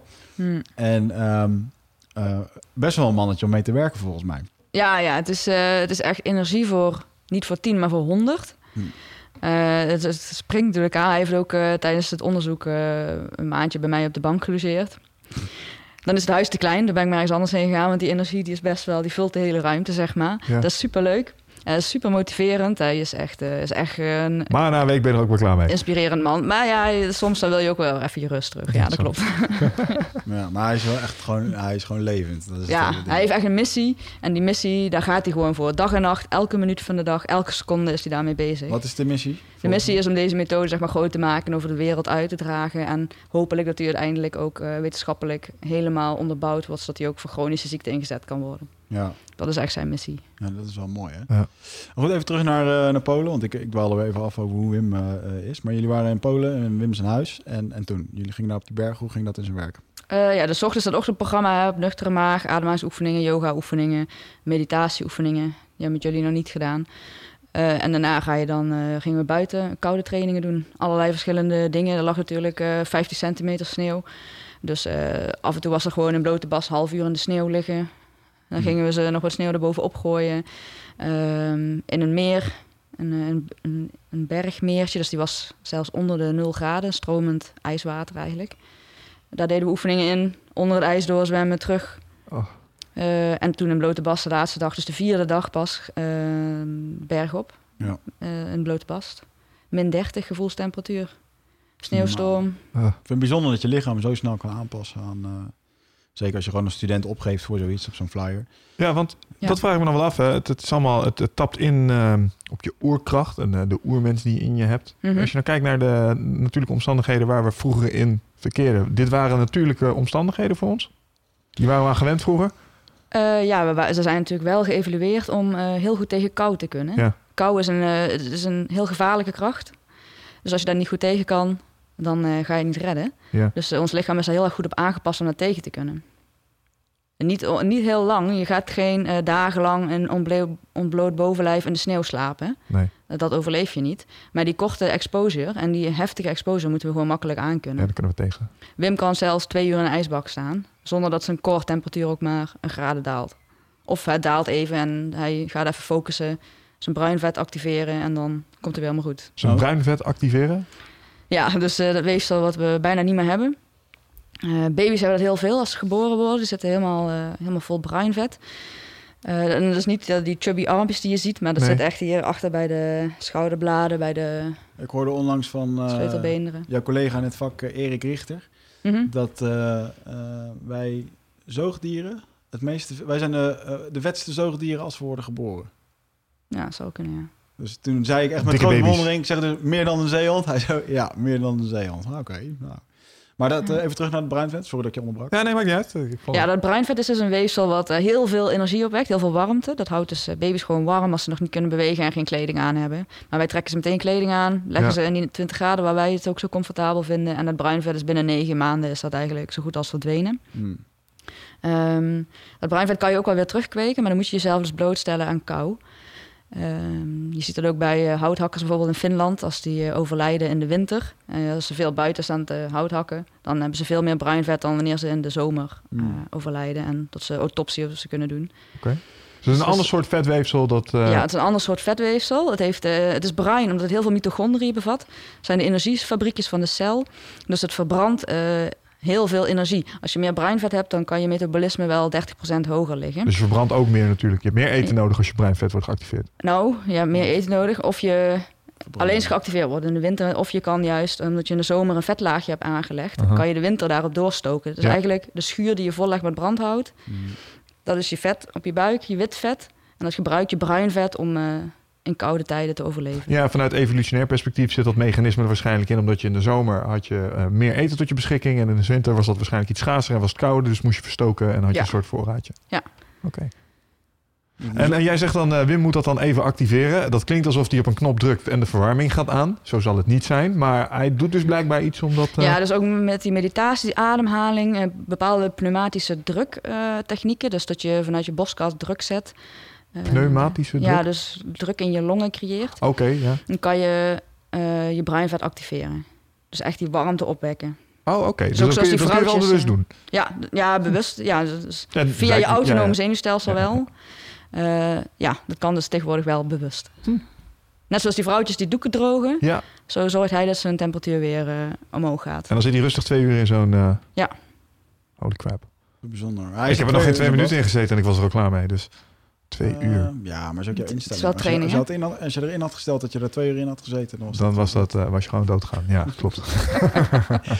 Ja, ja, ik vond die twee, eh, ja, twee minuten, ik vond, het, eh, ik vond het wel lachen om te doen. En ik merkte toen ik eh ehm erin ging zitten... Ja, je merkte kou wel. Eh, het stukje visualiseren vond ik goed dat we dat van tevoren moesten doen. Hè. Moesten van tevoren op het droge moesten we al visualiseren dat je in dat bad staat, dat dat water eromheen kringelt, dat het koud is en dat je eerste reactie is dat je weg moet van die kou. Terwijl dat is iets wat een beetje aangepraat is. Hm. En ik merkte dat ik toen echt, toen ik echt in dat bad zat, dat ik in fase stap je erin. Eerst stap je erin, vervolgens ga je op je knieën zitten, vervolgens ga je er helemaal in liggen. En zolang je die ademhaling maar blijft doen, ehm, blijft het gewoon heel erg neutraal voelen. Ik vond het helemaal niet, eh, ja. Ja. Ik vond het, zou je zeggen, zou, Ja, je stond met een camera in mijn snuffert. Je zag dat ik een andere Dude, ervaring had. Jij lag meer bij mij te ouwe hoeren met die camera dan ik bij jou. Ja, dat is waar. Maar je hebt wel gezien dat het... eh, ehm, en waar ik moeite mee had, was mijn ademhaling onder controle krijgen. Ik, had, ik zat heel erg in dat... En Ja. ik kreeg het maar niet naar beneden op een of andere manier. Totdat Ja. ik inderdaad even mijn ogen dicht deed en tot rust kwam. En toen lukte het heel even om het te pakken. Toen ik je die bitch slap gaf. Ja, inderdaad. Daar moet je eens mee ophouden trouwens. We krijgen er klachten over. ja. Maar ehm, ja, dan, dan kun je hem wel even terugpakken. En dan kun je even in jezelf in een soort bel gaan zitten. En dan heb je er even grip over. En dan eh, realiseer je even waar je mee bezig bent. En dan komt die kou weer door die bel heen. Dan ben ik, oh jezus Christus, ik moet die weg. Tenminste, dat was mijn eerste, Ja. eerste insteek. Ja, Als Zo ook, heb ik dat, eh, eh, uiteindelijk is het wel gelukt. Maar ik moest wel eh, na een aantal fight-or-flight reacties echt even heftig onderdrukken. Ja. Ja, dat was de eerste keer natuurlijk. Dat kan je dus trainen. Ja. Het is ook een stukje deconditionering van je gedachten. Mhm. Dus als jij denkt, oh, dat is lekker... dat is een andere instelling dat Ja. je erin stapt van... oh jee, dat gaat pijn doen. Nou, wat ik met name En dacht... alles wat je denkt zijn eigenlijk neurotransmitters in je, ge- in je brein. Ja. En die sturen weer signalen naar alle cellen in de rest van je lichaam. Dus als jij bepaalde gedachten hebt, dan heeft dat effect op alles. Ja. Ja, precies. Je, je denkt jezelf ook een soort van koud en zwak daarmee. Nou, wij keken Ja. er niet naar uit. nee. In de zin van dat we wel zoiets hadden van... oké, eh, gaan we nu weer aan beginnen. Terwijl nu, als ik het nu weer zou doen... zou ik het Leuk. leuk, weet je wat? Leuk ja, vinden, ja, leuk. klopt. Dat is een hele andere, hele andere insteek. Ja, en dat, dat zie je bij iedereen nadat ze dat dan echt hebben overwonnen, zeg maar. Dat is een overwinning op jezelf. En het voelt gewoon zo lekker. Ja. Ook die energie wat je daarna krijgt. Ja, dat wel. Je stapt op bad uit en je bent een soort super sane geworden. Want Nou, je beetje- zoveel energie ineens. Dat is een beetje Ja. dat, eh, dat, dat primal instinct wat in één keer binnenkomt. Hè? Een stukje overwinning, het is een stukje eh, je, jezelf verbeteren. Ja, En je staat er met die groep. Het is ook mooi als iedereen dat doet en iedereen klapt. En het is toch een soort van... Ja, alsof- maar zou jij nou het gevoel hebben gehad dat als dit niet zo'n bad was geweest waar je rustig in mag gaan zitten, stel je stond op een brug en je werd een, een ijskoude rivier eh, ingeknikkerd? Want dat verbaast me wel, zeg maar, de fysieke reactie echt op die kou. Ik dacht altijd wel, stel je, het is, we hebben hier een ijssel in de winter Mm. en eh, je zou erin flikkeren. Ah, dan zwem je wel even naar de kant. Nou, die illusie die ben ik inmiddels wel armer. Want Nou, maar het is dat- zo, dat, zeg maar, ik kan me voorstellen als je in koud water flikkert, dat je dat echt zo klaar is. Dat je zo Ja, je weet nou wat je moet doen. Ja, ja Maar- blijven Dus nu, ademen, kop ja. leegmaken en eh, zo snel mogelijk. Maar dat is ook zoals jij het nu beschrijft. is alsof iemand eh, in één keer van een brug in het koude water springt. Dan is dat een hele andere situatie dan het heel Ja, ja, gecontroleerd ja, is. zeker, zeker, En zeker. dat eh, Kelly je handje vasthoudt en zegt dat je moet ademen. dat ze wel heel aardig trouwens. Ja. Maar ik, ja, sowieso. Want die gecontroleerde omgeving, dat is natuurlijk één van. Eh, maar als je straks op zo'n berg loopt en ehm, ja, het waait. Je moet er ook nog eens een keer bij komen. Bij ons ja, waaide het een klein beetje. Het was zelfs lekker op een gegeven Het moment. was de je eerste lekkere lentedag volgens Maar mij. ik moet er niet aan denken dat je daar inderdaad, dan, weet je, dan, dan ben je al half nat en doorweekt. En dan loop je door die berg en dan waait het. En dan van die ijzel in je sneeuw, wat dan al, het snijdt al op de fiets, laat staan op zo'n berg in Polen. Ja. Dat krijg je er dan ook nog allemaal bij. Dus het is wel even een, een shift in, ja, in Polen een berg oplopen of hier in een bad met ijsklontjes eh, gaan liggen. Ja. Of, of, of, of Maar uiteindelijk is het hetzelfde. het ligt bij, dicht bij elkaar. Ja, eigenlijk wel. Het is gewoon een andere oefening. Oké. Wanneer gaan we naar Polen? Ja, ah, nou, als we het dan doen, doen we dat direct niet de Kilimanjaro. Precies. Ah, ja. Als je dan toch ellende hebt, dan, dan maar in één keer goed. Deze zou ik wel overslaan laten. Hey, en eh, zo'n on- want een onderzoek, en zeker eh, eh, uit het, waar jij de onderzoeken voor deed. ehm, ik weet dat onderzoeken best wel gedetailleerd moeten. Een, een goed gedegen onderzoek doen is best wel moeilijk. Mhm. Ehm, jullie hebben daar, hoeveel man had je daar onderzocht? Vier- 24? 12, eh, Oh, 12. ja, in totaal 24. Met de controlegroep erbij. Oké. Maar wij hebben er 12 getraind. Was jij dan de hele dag bezig om iedereen te checken, bloed af te tappen? En, eh, eh, Nou, dat doen de artsen. Daar ben ik niet. eh, want hoe groot was dat team? tappen. Want even buiten wat jullie daar hebben gedaan, hoe gaat het Cox. Eh, de afdeling is van professor Pickers, dat is de intensive care unit van het Radboud. En dan had je nog Lucas, Lucas Eijk, ook een onderzoeker. Die waren allebei mee naar Polen, dus dokter Cox en eh dokter Eijk. Van Afdelingen, Eijk. bevroren ledematen. Ja, Ja, precies, ja. cryogenics. En dan, eh, en dan hebben we natuurlijk een heleboel eh, zusters die assisteren. Oké. Dus een Dus best wel een groot team, ja. En zoiets wordt, zo, door wie wordt dat betaald? Eh, voor een deel eh 80.000 door het Reumafonds en de rest gewoon onderzoeksgeld van het Radboud. Dat is wel goed. Ja. En toen zijn die eerste onderzoeken, die resultaten zijn gepubliceerd. Kunnen ze volgens mij ook nalezen online staan? Ja, in PNAS. Dus eh, dat is een van de hoogste tijdschriften waar je in kan komen. Oké. Als je impact PNAS? hebt op eh PNAS. Ja, PNAS. PNAS. En Nature staan ook nog andere onderzoeken van Wim. Eh, omdat het gewoon heel veel eh, impact zou kunnen hebben op de mensheid. Ja. dan kom je in zo'n blad. En nu heeft Wim nog wat meer onderzoeken gedaan, waar ik me een beetje, ehm, of tenminste wat ik me afvraag, want Wim is natuurlijk, je ziet hem allemaal van die programma's en het verhaal wat jij nu vertelt is de basis. Maar wat hij doet is continu weer verder zwemmen, 100 meter onder het ijs dan weer. eh, en het moet iedere keer, het lijkt er op een gegeven moment een beetje op dat het meer een beetje een, eh, een wereldrecord vestigingsartiest is dan de Ja. missie waar hij mee bezig is. Ja, ja, klopt. En dat heeft het, ja, dat is tweeledig inderdaad. Dat maakt hem ook wel soms een beetje ongeloofwaardig. Ook dat hij zo heel enthousiast af en Mhm. toe uit de hoek kan komen. Ehm, maar dit is wel, die, die records die hij gevestigd heeft, dat is eigenlijk ook wel een poging voor hem om het onder de aandacht te krijgen. Ja. Eh, en nu is de wetenschap dan eindelijk geïnteresseerd. En hij is daar ook eh, heel erg blij mee, want dat is eigenlijk wat hij altijd wilde. Ja. En die records zijn meer een middel. Ja, dat is ook wat ik dacht. Dat is marketing. Ja, het is marketing om mensen te laten zien, kijk eens wat je ermee kan. En om, Ja. om het dan onder de aandacht te krijgen. En als het dan aandacht heeft en je kunt het inderdaad gaan Ja. inzetten in de medische wetenschap. En het verdient natuurlijk ook lekker hoor, zo'n eh, wereldrecord. Dus dat is Ja, ook is dat leuk meegenomen. Er Ja, dat mee? wel goed. Ja, volgens mij wel. Wat voor wereldrecord kunnen wij gaan vestigen? Nou, drie uur in een ijsbad? Eh, nee, ja, hou ik jou onder. we hebben drie minuten klaar, jongen. Ja, nee, ja, ik vond het een. eh, maar ik vind hem sowieso wel een. ehm, ja, hij is gewoon een artiest. En ik vind dat hij op zich ook die media gewoon goed. goed, goed ehm, bespeelt. Dat hij zichzelf gewoon goed neerzet. Hij is gewoon een leuke, het is gewoon een mooi karakter, dat absoluut. Ja, ja. En is Nederland in dat opzicht eh, een van de enige landen, denk het niet toch, die eh, hier naar kijkt als een eh, gezond alternatief? Voor, voor, want eh, als je, ah, eh, normaal gesproken als je reuma-patiënt krijgt, krijg je dan medicatie? Ja. Pijnstillers en dat soort dingen. En dit, ehm, jij hebt dan denk ik in de praktijk ook wel gezien dat reuma-patiënten konden minderen met medicatie naar aanleiding Ja. hiervan? Eh, ja, we hebben het eerste onderzoek dat wij gedaan hebben, zeg maar, eh, samen met Karen en Driekes. Toen wij dus die instructeursopleiding nog aan het doen waren, toen hadden wij al zoiets van, oké, weet je wel, eh, Karen was huisarts, ik was dus eh medisch bioloog en Driekes was fysiotherapeut. Mhm. We hadden meteen zoiets van, oké, we willen hier onderzoek naar doen.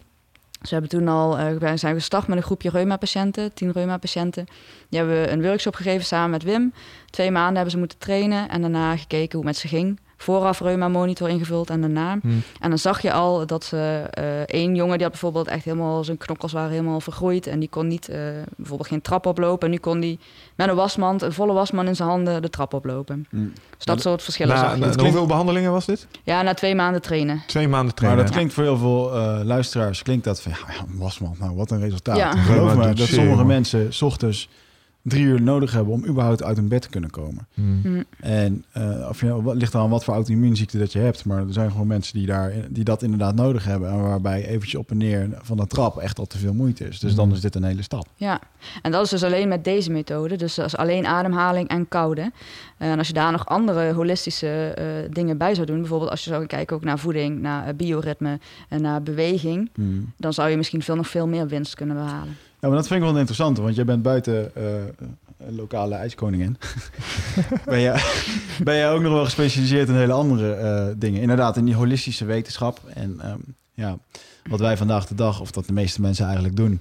heeft niet meer zoveel te maken met waarvoor we eh, eigenlijk gemaakt zijn. Hè? Nee. En eh, Michel is wat meer eh, thuis in het... eh, in hoe wij hier eigenlijk rondlopen als, eh, Hmm. als apparaten met verouderde Ja. soft. Ja, wat ik wel heel sterk vond aan, eh, wat ik ook, want ik heb natuurlijk even zitten kijken op Lex Naturalis. Eh jij gelooft ook volgens mij wel heel sterk in wat we dan eh, soms hier een beetje noemen evolutionaire bagage. Met andere woorden, je komt natuurlijk uit een bepaalde omgeving en we verkeren nu tegenwoordig in een volledig andere omgeving. Ja.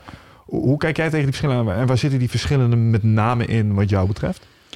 Ehm, nou, voeding is natuurlijk een heel grote factor. Ja. Eh, maar verder heb je ook gewoon onze dagelijkse besteding, onze dagbesteding. We zijn eigenlijk niet gemaakt om acht uur per dag of meer te zitten op een stoel. Eh zitten is eigenlijk doodsoorzaak nummer één, zo Ja. zou je het kunnen zien. Ehm, en we Grappig, het is de tweede keer vandaag dat dit thema terugkomt trouwens. Hè? Oh, echt Ja. waar? Ja, zitten, ja we, vorige keer hebben we het ook eens een keer voor de grap Vorige gezegd. week, eh, ja, vorige vorige week. Nee, maar een podcast hiervoor bijvoorbeeld met Bas eh, van Overload, daar ging het ook over eh, zitten en eh, toch een beetje het nieuwe roken.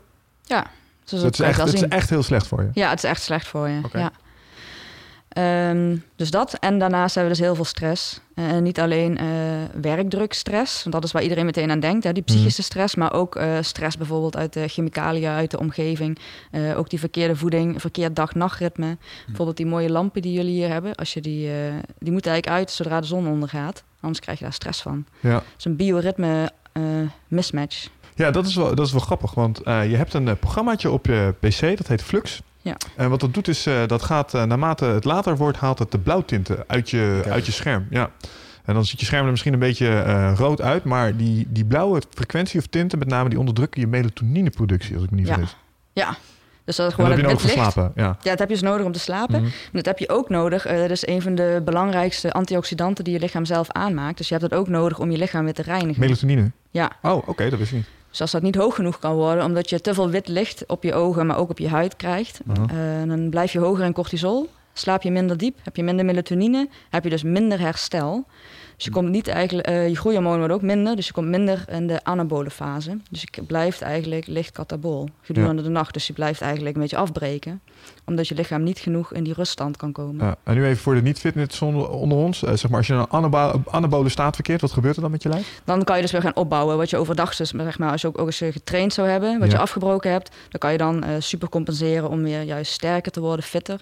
En dat is niet alleen met spieren, maar zo werkt het natuurlijk ook voor je organen. Die Mhm. hebben ook een bioritme, die hebben ook rust nodig, die moeten ook herstellen. En hetzelfde voor je brein. Ja, met name die laatste natuurlijk ook. Dus iedereen Ja. die s'avonds in zijn bed ligt met zijn iPhone te spelen, nog even de laatste Facebookjes doorkijkt en, eh, of nog even de tv aankijkt, even de tv aanzet in, Ja. in de slaapkamer. Sowieso trouwens een dooddoener, tv in de slaapkamer. De laatste kaarten zijn beschikbaar voor het Rite of Passage Retreat op 24, 25 en 26 mei.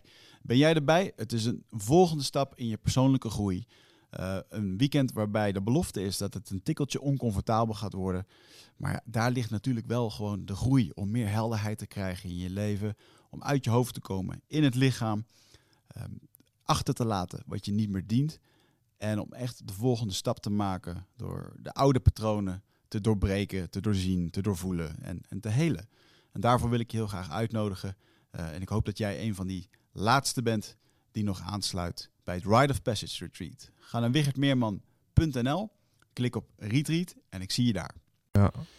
Ik denk trouwens dat als je daarna kijkt naar uh, mobiele telefoons um, in de buurt, daar heb jij volgens mij ook wel een, uh, een mening over. Ja, het gaat om wat die dingen allemaal aan straling en dat soort dingen met zich meenemen. Ja, dus als je s'avonds nog op je mobiel inderdaad uh, zit te kijken, dan heb je dus die witte wetlichtbelasting. Ja. Dat is één. Maar daarnaast zenden ze dus ook zit constante uh, connectie te zoeken met een mast in de buurt of met je wifi-router. Ja. Dus uh, je hebt ook heel hoge stralingsbelasting. Ja, is dat uh, echt een ding en waar we breekt ons ook je melatonine weer af. zorgen om moeten maken, vind jij? Um, ja, als je kijkt naar het onderzoek, ja. dan moeten we ons daar wel heel erg veel zorgen over maken. Oei. Ja. Ja, want de geruststelling die ik mezelf altijd voor... nou, als het echt allemaal kankerverwekkend zou zijn... dan zouden ze die mobiele telefoons nooit op de markt laten. Zeg ik dan tegen mezelf om mezelf in slaap te laten vallen. Maar ja, zo ging het ook met, het, het, ja, met, met de, de telefoon onder je kussen... terwijl die straal door je hoofd heen... Ja, precies. Of met lood. Vroeger ja. propten ze overal lood in. Te passen en te onpassen in van alles. Zelfs ja. lood in tandpasta en dat soort dingen. En dat hebben ze op een gegeven moment ook uitgehaald... omdat ze voortschrijdend in zich hadden. Maar mm. jij zegt dus echt... Um, uh, bijvoorbeeld de straling van een mobiele telefoon... Ik las iets op je website, niet tegen je hoofd aanhouden. Nee, dat niet. Uh, liefst uh, ook niet op internet, want dan zit hij constant uh, te zoeken. Mm. Dus als je alleen mobiel sms't, zeg maar. Als je ja. WhatsApp, dan heb je constant verbinding, dus heel hoge belasting. 3G. 3G, dan ben je verbonden met 3G of 4G nog erger. dus dat kan je het beste vermijden. Ook wifi-router in je huis kan je beter vermijden. Een kabel-internet nemen. Of ja. op zijn minst s'avonds uitzetten. Ja, want wat is het? Want heel veel mm. mensen nu zeggen... ja, straling en allemaal ontastbaar. Dus ik heb er geen onderzoek naar gedaan. En hè, er zijn Europese richtlijnen waaraan uh, een router moet doen. Hè. Die trilling, die frequentie, die moet een bepaald uh, niveau hebben. Ik weet dat het heel vaak gewoon overschreden wordt, want dat is ook al gewoon bekend. Als je een keertje de Consumentenbond hebt gelezen of, uh, of de andere onderzoeken. Ja. Um, wat, wat doet als op het moment als ik zit te bellen en die straling die gaat steeds door mijn hoofd ja. naar de lokale zendmast. Uh, wat zou dat voor? Ik ben er helemaal niet op ingelezen. Dus wat zou het doen volgens de lokale, of de lokale, volgens de onderzoeken die jij hebt gelezen? Uh, nou, dat is niet alleen voor je hoofd, hoor, maar het is voor je hele lichaam. Dus uh, op de eerste plaats, het verstoort ook je melatonine weer. Mm. Dus je melatonine wordt afgebroken. het heeft eenzelfde effect als wit licht. Dus als jij s'avonds naast je wifi-router zit of naast je telefoon of je, met je iPad op schoot, nou, dat wil je liever niet, want dan kan je weer niet goed slapen, kom je weer niet in die herstelfase. Want wat in je lichaam pikt dat op dan? Dus zo'n zo'n golf gaat door me heen. Hè? Het zijn radiogolven, die gaan door mij, uh, door mij heen. En ondertussen, met dat het door mij heen gaat, raakt dat molecuul of iets dergelijks? Of, wat doet het? Uh, ja, het is eigenlijk een, uh, eenzelfde soort straling als een magnetron, mm -hmm. maar dan uh, minder heftig. Ja. Magnetron zit natuurlijk zo'n ijzeren kooi omheen. Ja. Dat zit op een mobiele telefoon niet, maar het is exact dezelfde straling. Een non-ioniserende straling is het. Um, en de onderzoeken die er zijn, die, um, ja, die laten wel verschillen in de cel zien voor- en nabestraling. Oké. Okay. en ook is bijvoorbeeld onderzoek gedaan met muizen, generaties muizen. Ja. een groepje in de wifi-router en een groepje zonder wifi-router in de buurt. En die met wifi-router, die zijn na drie generaties, dus drie keer dat ze jong hebben gehad, yeah. die vrouwtjesratten, die zijn onvruchtbaar. Oh. Kunnen ze niet meer voortplanten. Dat is niet gunstig. Nee. Ja, dit vind ik een moeilijk onderwerp, omdat ik heb wel eens een keer een, uh, een hele leuke documentaire sowieso, um, of documentaire, het zijn korte series, Pen en Teller Bullshit. Ik weet niet of je dat kent. Pen en. Teller zijn twee illusionisten, die zijn met name bekend geworden. Dus die ene met dat paardenstaartje en die andere die nooit iets zegt. En die zijn bekend geworden met trucjes verklappen. En die hebben ooit eens een keer een uh, serie ah, ja. gemaakt. En dan uh, pakten ze controversiële onderwerpen en dan gingen ze uitlichten waarom het onzin was om zoiets vinden, mm. bijvoorbeeld. En straling vanuit de magnetron uh, werd daar ook eens een keer bij besproken. En uh, straling vanuit telefoons. En zij kwamen tot de conclusie, is niet gevaarlijk. Want, zo legde zij het toen uit... Um, straling, bijvoorbeeld radioactieve straling, is gevaarlijk voor je omdat het cellen kan beschadigen. En dat heeft te maken met de hoogte en de scherpte van de golven van de mm -hmm. straling, volgens mij. Hè? Dus het is een frequentie en dat kan hele hoge pieken hebben. En hoe scherper die pieken zijn, hoe gevaarlijker de straling voor je is. Zo werd het daar uitgelegd. En de golfjes die een telefoon genereert en een magnetron, zeiden zij, mm -hmm. um, waren niet stel, niet scherp genoeg om schadelijk te zijn. Ja, en bij dat soort onderzoeken dan meten ze meestal ehm, de warmteopwekking van de straling van de telefoon. En het heeft niet zozeer een warmte-effect, maar het heeft wel een moleculair effect. Ja. Als je bijvoorbeeld ook kijkt naar eh, tomatenplanten die naast een router staan, als je de cellen gaat kijken naar, eh, van die tomatenplant, dat is een onderzoek van Olle Johansen, een Zweedse professor, dan zie je dat die cellen die lijken wel alsof ze helemaal geplet zijn. Ja. Dus ze veranderen van structuur. Ik hoorde een keer eh, tijdens een voedingsseminar een eh, voorbeeld van... ehm hadden ze een experimentje gedaan. Twee planten. Eén plant water geven uit de kraan. Andere plant water geven eerst opgewarmd in de magnetron. Het liep niet goed af met het plantje dat water kreeg... dat eerst was opgewarmd in de magnetron. Was het verhaal. Ik weet niet, ik heb het Hm. onderzoek nooit nagelezen. Ik weet niet hoe... eh, Ja, ik zie veel van die de- zo'n Deens onderzoek van in de klas, een paar meiden die dat dan hebben gedaan en ook met de wifi-router en dan Ja. van, het, van het kruiden wat dan helemaal niet groeit. Maar het is zo'n, ja, af en toe is het zo hoaxerig, weet je wel. Ik, Ja. ik ben van trouw- laat me goed voorstellen hoor, ik ben overigens van mening dat... maar dat is eh, ook geen wetenschap, hè? dat zijn gewoon experimentjes. En Ja, die precies. zouden eigenlijk door een goed eh, instituut overgedaan moeten worden. ja. Olle Jansen wilde dat, dat eh, experiment wat jij benoemt, wilde die doen. Maar daar, krijg- daar krijgt hij geen budget voor. Nou, met die, met die eh, waterkersplantjes. Ja, dus een paar scholieren hadden dat eh, getest en eh, eentje langs een wifi-router en de ander niet. Oh, zo, En ja, de ja. andere was Maar beter. als je bijvoorbeeld kijkt naar het Bio-Initiative, dat is een, eh, een boekwerk Hmm. van alle onderzoeken die er gedaan zijn naar eh, EMF, dus elektromagnetische frequenties Hmm. van eh, mobiele telefonie. Nou, dan schrik je jezelf echt. eh, Dat is een soort open source database voor... eh, ja, dan kan je gewoon opzoeken Bio-Initiative en dan eh 200 of du- nee, duizenden onderzoeken zelfs in 200 Ja. pagina's samengevat. Ehm, het is ook zo, eh, het onderzoek is nog eh, vrij jong. We zijn misschien tien jaar bezig met onderzoek. En als je kijkt naar eh, kankerverwekkend onderzoek, dus bijvoorbeeld naar asbest, naar roken, lood, dat, Ja. duurt, dat duurt minimaal 30, 40, 50, 60 jaar Mhm. voordat ze kunnen zeggen: oké, het is kankerverwekkend. ja. En als je naar landen om ons heen kijkt, bijvoorbeeld Duitsland, België, Frankrijk, die verbieden deze soort straling op crèches, peuterscholen, op eh, ja. basisscholen. En dat doen ze vanuit het eh, cautionary principle, dus dat ze liever voorzichtig zijn dan dat ze. een- Overal behalve kinderen- Nederland volgens mij. Ja, precies. Ja. En Nederland eh, die richt Steve Jobs scholen op, iPad scholen en. eh, Ah, het gaat nog erger worden, hè? want ze zijn nu, want wifi was natuurlijk op zich eh, wel een prachtige innovatie in de zin van, hé, we hebben geen kabels meer nodig. Mhm. De enige kabels waar we nou nog mee lopen te gaan zijn onze stroomkabels. Eh, en er komt technologie aan Ja. die draadloos opladen mogelijk gaat maken. ja, nou, als ik dit zo beluister, vraag ik me af, hoe gunstig gaat dat voor ons zijn? Ja, ook niet gunstig. Dan loop je dus constant in een soort magnetron rond. Nog meer dan dat je nu Ja, doet. dat is weer een ander soort straling. Dat is een Oké. laag Je kent de technologie? Je, Dat is gewoon stroom. Is, eh, stroom Ja, maar draadloze stroom, eerst konden we dat nog niet.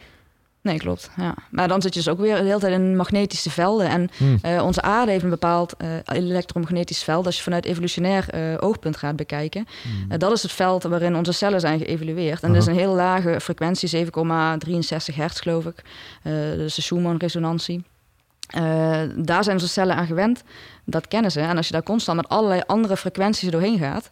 Ja. Ja, dan, dan kan niet goed gaan. Het is wel bijzonder, want volgens mij wordt in eh, Frankrijk is bijvoorbeeld al eh, op lagere scholen mogen, geen, eh, mogen kinderen geen telefoons, geen iPads meenemen. Ja. Ik geloof dat in Israël is het volgens mij helemaal verboden. Maar is dat puur een helftafweging of is dat meer zoiets van dan Ah, houden ze de kop ja. bij de les? Vanuit, nee, zeker omdat het... het, Stralingsoverweging. het hoort, Oh, oké. moet ik even zeggen of dat ik, um, correct me if I'm wrong, dat het, het vlies wat tussen je hersenen en je oor zit, dat ontwikkelt zich ontzettend op het moment als je ehm, opgroeit, als je, als je jong bent. En volgens mij, als je dat een telefoon daar dus langs houdt, dan heeft dat bij een kind meer effect qua schade op de hersenen. Is dat een, een bepaald vlies of zo, toch? Dat Eh, ja, en de schedel is, de schedel is dunner en zachter ook, dus het kan dieper eh, doordringen ja, in de hersenen. zeker als je jonger bent. Dus dat Ja. was een beetje de motivatie erachter. Ja, aan de andere kant kan ik me voorstellen. Je hersenen zijn natuurlijk ook gewoon één groot elektromagnetisch ding. Het Precies. heeft ook allerlei frequenties, stralingen en dat soort Ja, ik vind het scary, weet je. Ik heb dan nu, eh, eh, ik we zitten nu in een appartementencomplex en dan trek ik mijn laptop open en dan kijk ik naar die wifi, de wifi-netwerken. Er zitten er twintig in. Ja. Mhm.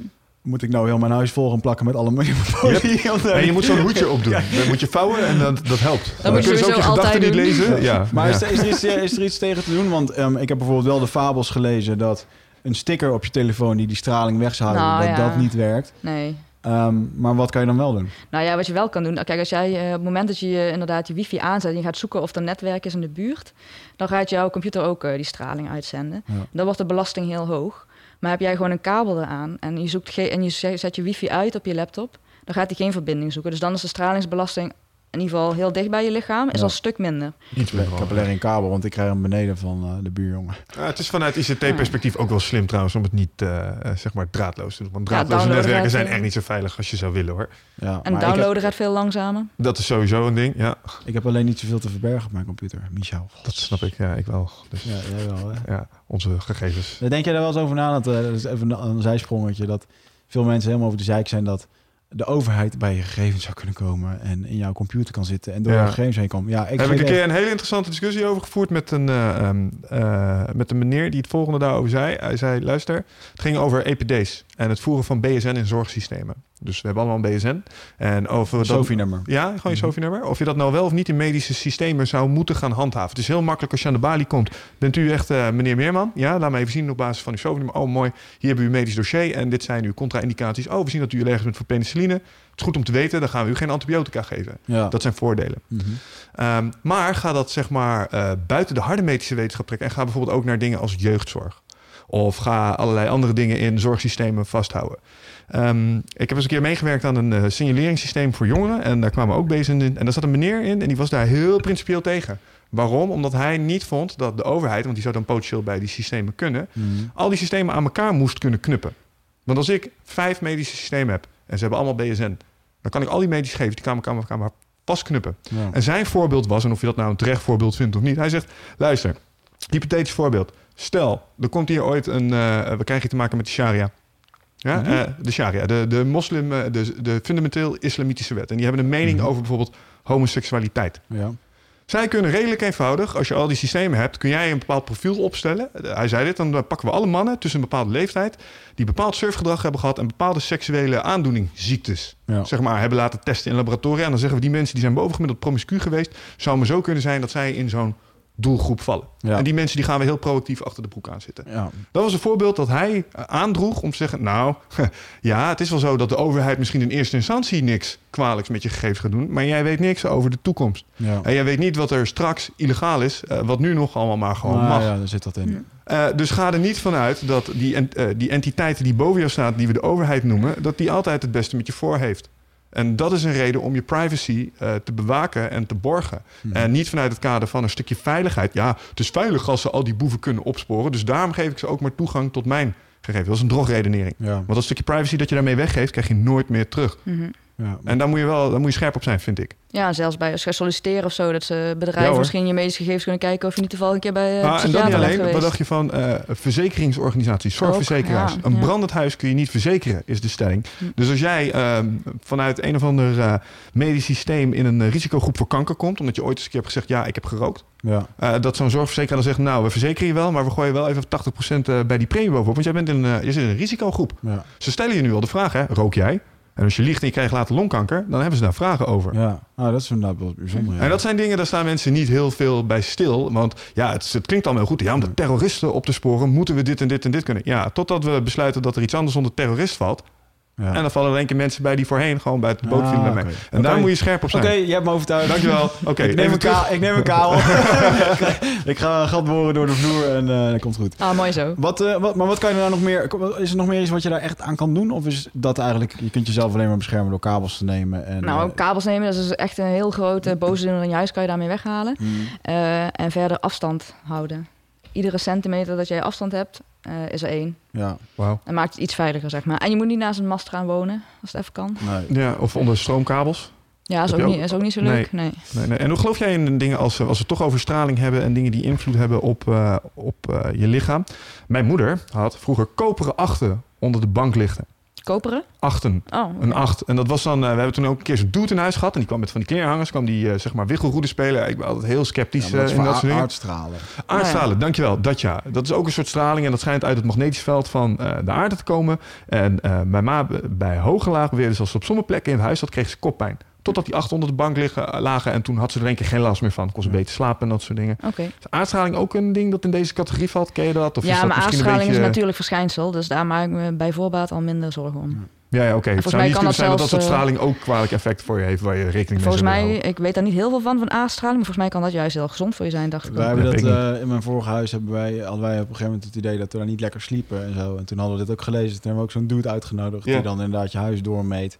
En het was super grappig dat hij zei: eh, Oh, jullie hebben twee katten. Hij zegt, let maar op, het ding waar dit ding uitslaat, eh, daar ligt waarschijnlijk je kat. Super vaag. Dus hij loopt door dat huis met zo'n wiggelroede. En eh, hij ging naar de, naar de plek, oh, hij gaat over de bank waar die kat altijd lag. Altijd Ja. op die hoek, echt zo'n plekje van hem. En dat ding begint rond te slaan. En het schijnt dus dat die beesten, ehm, zeg maar, die, die, het is een natuurlijke energie. Hm. Dus die zoekt ook vaak een, een natuurlijk evenwicht. Oftewel mensen, want wij, zijn, wij kunnen energie aantrekken, zeg maar. Mhm. Dat is een beetje het gedachte. Dus daarom is ook vaak het idee dat zo'n aardstraal, die kan, eh, die gaat niet in één rechte lijn omhoog, maar die kan eh, ombuigen naar iets wat het aantrekt. Wij dus als Oh. mensen zijn. Dus Mhm. daarom is ook zo vaak dat mensen die slecht slapen, dat die aardstraal niet per se vanuit de aarde door een slaapkamer heen gaat, maar juist eh, naar de slaapkamer. Want die oh. ligt daar 12 uur per nacht. Dus dat Mm. wordt er een soort van aangetrokken. Maar super grappig dat dat beest lag, of tenminste dat beest ligt normaal daar en dat ding ging keer af. En zo had hij een stuk of drie, vier plekken waar hij dat had gedaan. Mhm. Ehm, ja, ik was niet helemaal overtuigd of dat het daarna eh, hielp. Want hij had dan wat dingetjes gedaan. En eh, Mhm. Ja, Toch gebedjes gedaan. nou ja, op een gegeven moment ging hij ook met kristallen aan de gang. En het is wel, dat vond, ik al, dan leggen ze kristallen in je tuin, begraven ze dan. En je had ook nog een andere formule waarbij ze inderdaad van die koperen dingetjes Ja. aan de ene kant van de kamer zetten. En aan de andere kant zodat er een soort van eh, eh, de spanning die er is, dat die ongeladen is of Ja. zo. Zegt men. Goed, dat hebben ze niet bij ons gedaan. Maar hij ging, ja, en ik had, toen had ik al zoiets van: oké, ehm, ja, interessant dat hij die dingen kan meten. Ja, ik geloof het allemaal wel. Maar ehm, ja, ik, ik voelde er niks van. Ik had er geen baat Ja. bij of geen, geen ding. Het was een leuk probeersel en het was 150 euro lichter. En, eh, Ja, over stralingsmeters gesproken trouwens. Ik zag, eh, jullie hebben ook stralingsmeters. Of jij doet ook iets met stralingsmeters. Maar dat waren geen eh, verbogen kleerhangers. Dat zag er gewoon echt uit als een stukje ernstige technologie. Ja, Ja, ja, dat is is, dat voor gewoon een, een hoogfrequente meter. Die, die meet hoogfrequente straling. Onder andere dit soort eh, straling als van je telefoon. Precies, telefoon, eh, routers, eh, masten, dat soort dingen. Ja. Jij loopt de hele tijd met die stralen overal rond. nou, als ik een nieuwe woonplek zoek wel, ja. Ja? Ja, echt? Ja, Oké. Dat is wel interessant. Maar Ja. wat, eh, wat meet je dan? Want dan meet je dus ehm, van bijvoorbeeld of er straling van de buren komt of van bepaalde plekken. Of hoe moet ik dat zien? ja het buren. Of soms eh, heb je ook een kerktoren. Er staan wel eens verdekt masten opgesteld. Masten Mhm. die je niet ziet. Ja, ik wil toch wel weten of ik eh, naast een magnetron slaap of niet. Hm. Die Ja. straling is gewoon niet eens met te meten, hè, met die meter. Dus dat, dat gaat zo 100 miljoen duizend keer over de Zo. maximale toegestane waarde. Sorry, zenders die gewoon in onze steden staan, die gaan over de maximaal toegestaande waarde heen. Ja, dus als je naast de kerk en- woont, staat, bestaat de kans dat jij wordt blootgesteld aan straling die buiten de normen valt. Ja, die kans die is... eh, Waarom langs de kerk? Waarom is dat? eh, Omdat dat hoog is, denk ik. Nou ja, daar staan vaak in die kerktoren staan wel eens van die masten, omdat de kerken daar weer subsidies voor kunnen krijgen. In die kerktoren staan die masten. Ja, maar ook bijvoorbeeld gewoon op flatgebouwen zie je ze gewoon staan. Je ziet ze ook soms gewoon staan hoor. Ja. Maar soms zie je ze denk niet. ik echt niet meer na. Nee, maar ja, hoe denk je dat we... oh, wij lopen al te piepen als we over de Veluwe heen rijden. Jij wordt wel eens pissig op mij als ik eh, tussen Amersfoort en Apeldoorn zit... omdat ik dan even geen bereik heb. Dat vinden we vervelend. En daarom zetten we zoveel van die masten in Nederland neer. Ja. Snap je? Dat is de reden waarom die dingen er zijn.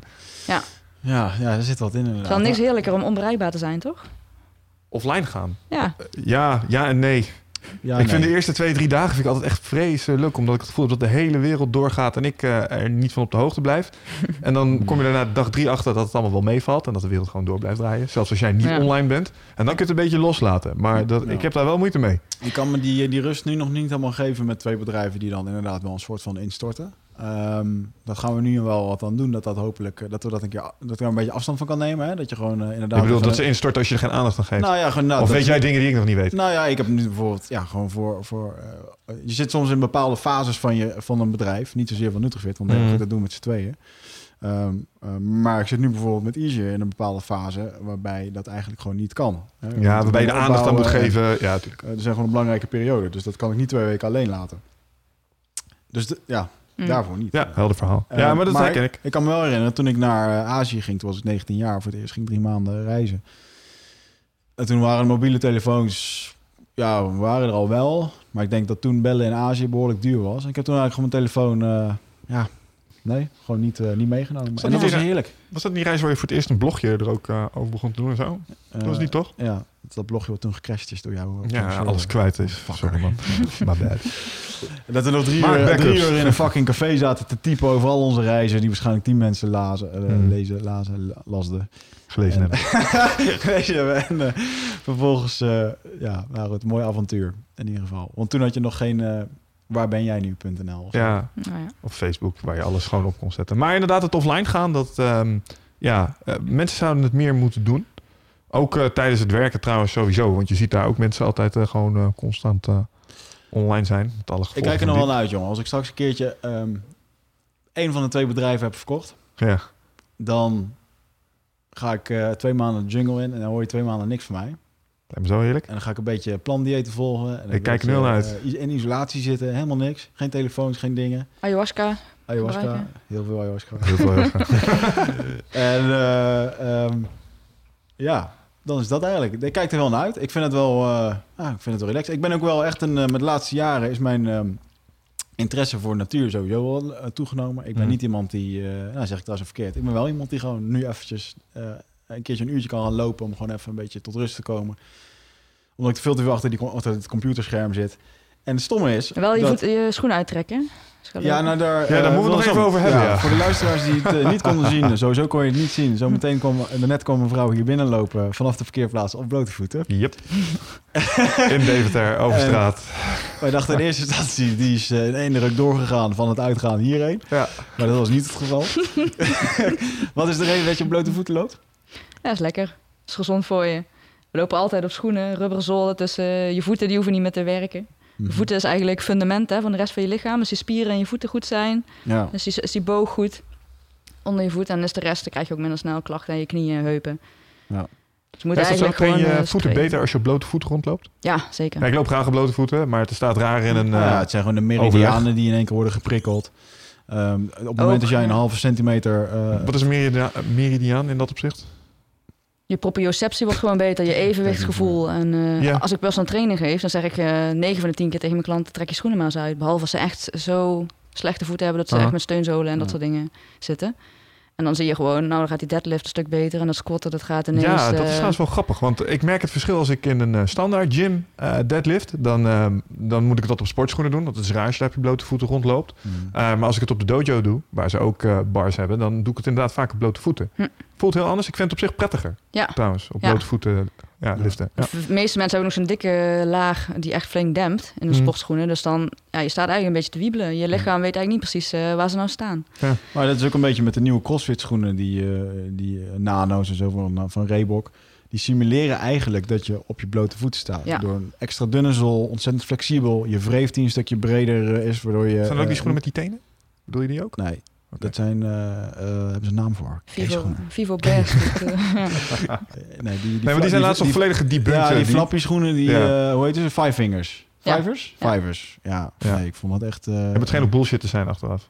Het, het moest ook goed zijn voor je voet met afwikkelen en dat soort dingen. Het zou je voet Ja, het is hetzelfde als die andere, als die CrossFit schoenen. Gewoon Ja. die barefoot technology. Alleen nu heb je een toebox erin. Zeg maar een dichte schoenen, zodat je Ja. niet meer die tenen ziet. Maar in principe is dat gewoon hetzelfde. Het is gewoon een dunne zaal, de zool. Alleen je hebt nog steeds een zool onder je voeten. En het is ook gewoon goed om echt contact te maken met de adem. Ja. Gewoon ook voor die, voor die negatieve ionen die je kan opnemen. Ja, is dat dus echt een ding? Want dat eh, is me wel eens verteld. Het is goed om met je blote poten op de aarde te staan. Niet Ja. zozeer op een houten ondergrond. Nee, het Nee. liefst in gras of in Ja. zand gewoon. Want Gras, dan ontlaat je. zand. Dat is echt zo? Ja, want doordat je steeds die rubberen zool hebt, net zoals dat je, je krijgt wel eens een elektrische schok of zo als je iets aanraakt. Ja, als je auto aanraakt, Ja, een ja, ja. statische schok. Dat is een soort van positieve lading die zich opbouwt in je lichaam. Hmm. En normaal gesproken, we zijn natuurlijk geëvalueerd met de blote voeten op de aarde. Ehm, dan zou je dus gewoon die elektrische lading steeds kunnen uitwisselen. Ja. Vraag me trouwens wel eens af of dat nou een van de eerste dingen is die we als kleding zijn gaan maken. Wat? Nou ja, stel je bent eh, een Neandertaler of eh, je, was, je liep over de savanne als jager of verzamelaar. Liepen die altijd nog op blote voeten of zijn die uiteindelijk wel iets van schoeisel gaan maken van die, van dat, van die huiden? Want je Eh, ziet ze altijd ja. van die huiden lopen natuurlijk en dan maken ze ook... een eh, heel grappig verhaal over dat ik ben toen in Australië geweest. En ehm, jullie kennen allemaal nog wel die man. Ehm, je hebt Steve Irwin, die mafkees die altijd eh, die doodgestoken is door die stingray en die altijd krokodil. Maar je had ook de kerel Rob Bradle met die, met die grote hoed. Die altijd barefoot bushman, zo heette die. Die liep altijd op zijn blote poten. ja, dat heb ik wel eens gezien, ja. Op een gegeven moment was ik, eh, was ik ergens, ik weet niet meer waar. Op een gegeven moment eh, hoorden we ergens van een soort sanctuary voor van die dieren. Die werden daar een soort van opgevangen. Kon je die dieren ook allemaal vasthouden. En die man is geen ontzettend veel te kunnen vertellen. Alleen dan moest je dan wel 's ochtends heen, want het was eigenlijk gesloten. Er kwamen te weinig bezoekers. Maar hij gaf die beesten nog wel 's ochtends eten. En als je er op tijd was, dan eh, kon je voor een soort donatie kon je daar een mini-rondleiding krijgen. Dus wij er natuurlijk heen. En eh in één keer staat die fucking barefoot, barefoot bushman staat voor me. Ja. Met die hoed, gewoon dezelfde kleren op zijn blote poten. Ah, ik wil zeggen met een paar Nike's, maar dat is En eh, het, nee, ja, nee, het is super grappig. Hij heeft daar, we hebben daar toen drie uur lang hebben we gezeten. En eh, allemaal dierenfanaten. En eh, eh, we waren daar met z'n met z'n vieren of zo. Hij heeft ons een hele rondleiding gegeven met allemaal verhalen over dingen. Ik heb zelfs nog een video dat hij even met een krokodil in die vijver lag te ouwehoeren. Van, eh, ja, dan moet je dit doen. Dan ging hij er bovenop zitten en al een beetje stoer praten. En op een gegeven moment had die krokodil naar zijn enkel. Ja. En die beet hem ook gewoon achter in zijn hiel. Echt gewoon fucking goed, weet je wel. Ah. Met zo'n sla- met zo'n zo'n tand erlangs. Zat gewoon zijn, po- zijn wond had achter aan zijn poot. En hij vertelde dat hij heel lang met de Aboriginals heeft eh, geleefd. Die natuurlijk op een blote voeten lopen. Mm. En je keek ook naar zijn voeten. Ja, het zijn gewoon gorilla klompen geworden. Die vervormen, die vervormen door, de, door de hele... eh, door al die jaren dat ze... En dat die, ja, Nou ja, onze voeten vervormen juist zodat we schoenen hebben. Die, die teentjes die staan allemaal zo in een punt. Ik wou zeggen, ik heb net eigenlijk even buiten gekeken, Je, je maar... voeten zijn altijd in vervor- vervor- vervormen altijd, toch? Je, heel, al je voeten, eh, sorry, al je voeten. Je voeten vervormen in Alle jaren in je, je leven. en in toch? principe zouden je tenen net zo moeten kunnen spreiden als je vingers. Ja, En dan heb je ook betere grip. Ik probeer het nu. Maar Ja, ik ook. Ik wou net eh, zeggen, zou ik, ik dit eh, kunnen nu? Ik word tegengehouden door mijn All-Stars. Ik heb mijn schoenen uitgetrokken naar aanleiding van wat ik zag. Eh, maar het lukt mij ook niet. Maar in ieder geval, ik vond het super grappig dat hij daar rondliep. En hij heeft ook gewoon vertelde van, joh, ik kan gewoon geen, geen schoenen meer aan. En ehm, Mm. die had ook echt geen schoenen nodig. Die liep gewoon op een laag eelt Mm. die eh, nooit meer weggaat waarschijnlijk. Heb jij dat nu ook wel eens? Nee, valt best wel mee. Ik heb eigenlijk meer eelt op mijn handen van het paaldansen. Echt? Het Ja. paaldansen. Oh, zo even zijn sprongetje tussendoor, weet je wel. Ja, weet je, we gaan, ja. Straling, ballistische wetenschap, ijsbaden, op blote voeten lopen en Squatten, Ja. paaliften. Die staat helemaal in die categorie. Maar dat is eigenlijk een soort van eh, apensport. Hè? Dat is gewoon slingeren aan een paal. Ja. Ik voel me echt een aap als ik dat doe. Dat snap ik. Ja. Ja, ik kijk daar heel anders naar. Maar, Ja. Ja, ik voel me altijd een aap als ik er naar kijk. maar je, je bent zelf ook wel een... eh, eh, eh, je bent wel actief baasje, want je deed daar ook een aantal van die, eh, hoe noem dat, own bodyweight oefeningen, waarbij je een, een, een plank deed en waar de menig barstar amateur, weet je, die aan die, bars hangen en allerlei dingen proberen te doen, jaloers op zou zijn. Want je bent best wel actief dan zelf, ook met sporten en met... ja, eigenlijk is je lichaam is eigenlijk alles. Hè? Je lichaam is je laboratorium, je lichaam is je gym, je lichaam is je huis, je lichaam is je gedachten. Ja. Dus een bodyweight training hoort daar gewoon bij. En paaldans is een leuke variatie ja, dat is een variant. Ja. Oké, Snap ik. ja, dat zit wel... Ik ben toevallig net, eh, ik ben dan omdat ik zwanger was en bevallen ben, heb ik een jaar lang eh, niet gepaaldans. En ik ging het eh de afgelopen maanden weer doen.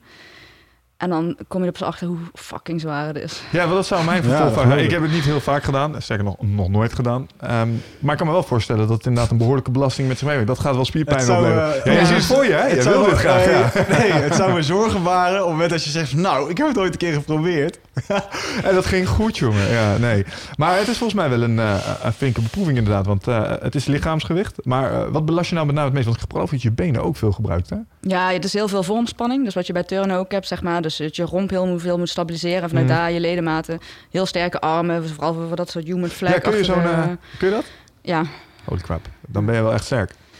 ja, het is techniek en... eh, Als je niet Ja. weet waar we het over hebben, dat is als, dus als je een... eh, eh, stel, je zet een paal in de grond, gewoon een vlaggenpaal... en jij pakt hem zeg maar vast de hoogte van je heup... en je pakt hem vast met de andere hand de hoogte van je schouder... en je hangt jezelf even horizontaal aan dat ding. Ja, En dat kun jij dan op je armen en je gripkracht. Dat is eindbaas. Dan ben je behoorlijk sterk. ja, en dat, ook, dat doe je ook weer op blote voeten, hè? Ja. Paaldansen. Ja, ja oké. Hey, maar even terug naar mijn eh, natuurwandelingen, want daar gingen we over. Ja. Dat, het viel mij sowieso op ehm, dat op het moment... eh, soms ga ik eens even eh, wandelen in het lokale park... als ik eh, een hele week heb gewerkt. Lange regenjas aan. Lange regenjas aan, geen onderbroek. Duurshell. Dus Sorry. ik krijg een heel verkeerd beeld van mij. En dan loop ik door het park heen en je ziet dan met die honden. En het is heel erg stom, maar het moment dat ik naar de supermarkt ga, dan kijkt niemand elkaar aan. Maar op het moment dat je een keer door een bos heen loopt, dan zegt iedereen elkaar goeiedag en is het allemaal een stuk Amicaler. amicaler, vriendelijker. Eh, het lijkt ook soms wel alsof dat mensen met een... Ja, of alsof er gewoon een beetje wat hoger niveau mensen daar rondlopen. Zeg ik dat zo goed? Weet niet wat je wil zeggen. Ja, het klinkt een beetje stom. Het klinkt een beetje stom zoals ik het nu is zeg. sociaal maar- ontwikkelder misschien? Ja, is dat wat je zoekt? dat is misschien een beetje het woord inderdaad, ja. En Ik ben de ASO. eh, dan als ik die onderzoeken erbij pak... dat men bijvoorbeeld, eh, als men in de natuur leeft... eh, automatisch een lagere hartslag heeft... Ja. minder stress, pieken eh, in hersenactiviteit heeft... zich beter kan concentreren... dan zou je eigenlijk zeggen dat we veel te weinig tijd spenderen in de natuur. Ja, dus wat jij zegt is, Ja. mensen die veel in de natuur zijn, die hebben gewoon aantoonbaar minder last van een aantal. Nou, meer- ja, sowieso dat de natuur gewoon rustgevend op je werkt. Ja, Door minder prikkels, door minder dingetjes. En, eh, 100%. Ja. en Frissere lucht. soms is het wel zo dat ik dan daar rondloop en dan, eh, dan loop je door een mooi bos heen. En dan zit je nog steeds op je fucking telefoon die heeft rinkelen. En dat ik me dan irriteer aan die telefoon. Zo van, oh, nu even niet, weet je wel. Ja, thuis laten. Ja. Dus ik denk dat je, we zouden meer eh, tijd moeten spenderen in... eh, In de natuur. Ja, In in de de natuur en ook eh, in het buitenlicht, maar ook in de kou. Ja. En we zouden ik ook meer natuurlijk moeten bewegen. Want eh, eigenlijk is onze beweging ook een beetje net zoals eh, we veel junkfood eten. mm, En zo hebben, we hebben we ook junkbeweging eigenlijk. Dus al die mensen ziet die de hele dag zitten en een klein stukje fietsen en dan een apparaat in de gym gaan zitten. Ja. Dat is eigenlijk junkbeweging. Dan kan je het net zo goed niet doen. Is dat zo? Eh, nou, is het echt waar dat als jij, stel je bent een, eh, een ICT of je hebt een kantoorbaan en je hebt de hele dag op kantoor gezeten in de auto en je, je was moe en je hebt jezelf toch nog naar de sportschool weten te slepen, want ik ken mensen van dit profiel. Eh, en eh, die- nou ja, dan doen ze misschien niet free weights, maar tenminste apparaat. Dan denk ik, oké gast, gelet op wat je kunt opbrengen op dit moment, doe je tenminste iets. Maar jij zegt van ja, je kan net zo goed eigenlijk, Ja, maar zijn hele leefstijl is dan een junk leefstijl eigenlijk. ja. Komt het op neer. Eh, wat hij beter Maar 80% zou kunnen doen is, van de mensen leeft zo, hè? Meer misschien. Ja, maar ga dan naar buiten. Ga daar wat eh, push-ups doen of zo. Ja. En een stukje lopen. Een beetje naar de sterren kijken als het donker is of naar het, Ja. eh, gewoon naar het licht. ja. Ja. Blote voeten. Maanlicht, aarde. Doet maanlicht ook goed voor je? Ja, dat is heel anders. Ja, heeft dat een Wat eh, uitwerking op je? Dat is toch gewoon weer kaartzonlicht? Ja, maar het heeft wel eh, met je bioritme natuurlijk wat te maken. Je ziet ook eh cycli in de natuur. Dat als vrouwen bijvoorbeeld eh, dicht bij elkaar wonen... dat ze op een gegeven moment naar de maancycli eh, gaan leven... en dan gaan menstrueren. Als het Ja. volle maan is bijvoorbeeld. Je dat nou? met z'n allen. Ja, Dus als je een groep vrouwen met elkaar op de hei gooit... en je komt een eh, paar maanden later terug... dan worden ze met z'n allen met de maan zou onge- kunnen. ongesteld, is wat je zegt. Maar er is nou zoveel lichtvervuiling. Ik weet niet of het nog werkt. Maar... ja, En als ja jij- dat, dat Als jij dan met volle maan als man op die hei komt, voor al die vrouwen aan het menstrueren zijn, jongen, dan... eh, Ja, moet je maar. Dan-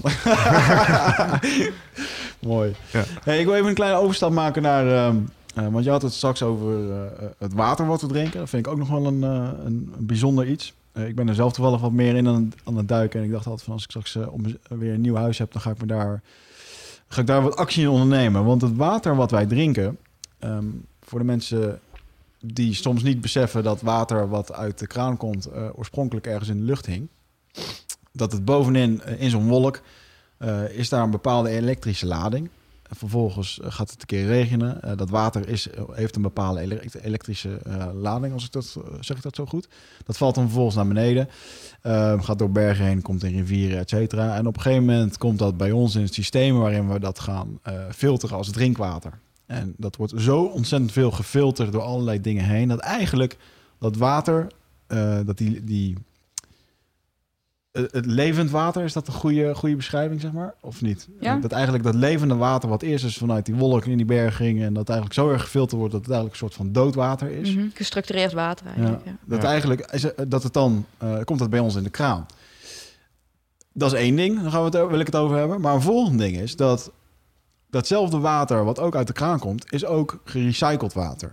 En dat water, dat is het water wat wij door de wc heen spoelen, waarmee je douchen... Hmm. Maar dat is ook het water waarin eh, iemand die een chemokuur heeft eh, loopt te kotsen. Iemand die eh, kook heeft gesnoven, eh, daar eh, in urineert. Eh, eh, verf die erin gaat, hè, omdat eh, mensen thuis aan het schilderen en flikkert even door de, door de, was, door de wasbak heen. Eh, allemaal van dat soort dingen. En het komt uiteindelijk allemaal in je, in je drinkwater. Mhm. Alleen het wordt alweer gefilterd, Ja. maar het komt toch weer in die kraan. Ja, ik, maar, En- eh, volgens mij is dat wel eh, is dat juist de kracht van een van het Nederlands drinkwater is volgens mij redelijk schoon, of niet? ja, ik vind van niet. Maar... Nee? Nee, dat is nog steeds, eh, vind je daar gewoon heel veel sporen in. Ja, als je dit beluistert op dicht zegt, dat is gewoon... eh, van anticonceptie en van chemo. oh, wauw. Ja, die sporen die vind je gewoon. En je ziet ook eh, hele eh, ecosystemen die vervrouwelijken.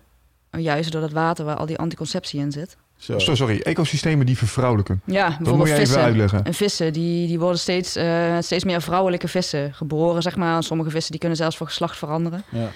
Eh, en doordat er als er een vrouw, meer vrouwelijke hormonale omgeving is, dus een soort van xeno-oestrogenen noem je dat dan, Ja. eh, dan worden die vissen vrouwelijk. En zo En zie je dat- met heel veel weekdieren en, eh, en vissen in, in wateren. En als ik hem nou goed volg nog steeds, komt dat omdat onze vrouwen die aan de anticonceptie zijn, in datzelfde water hun Ja. urine doorspoelen. Ja, en je ziet ook eh, zelfs bij eh, jongetjes die geboren worden, dat ze eigenlijk steeds iets vrouwelijker worden.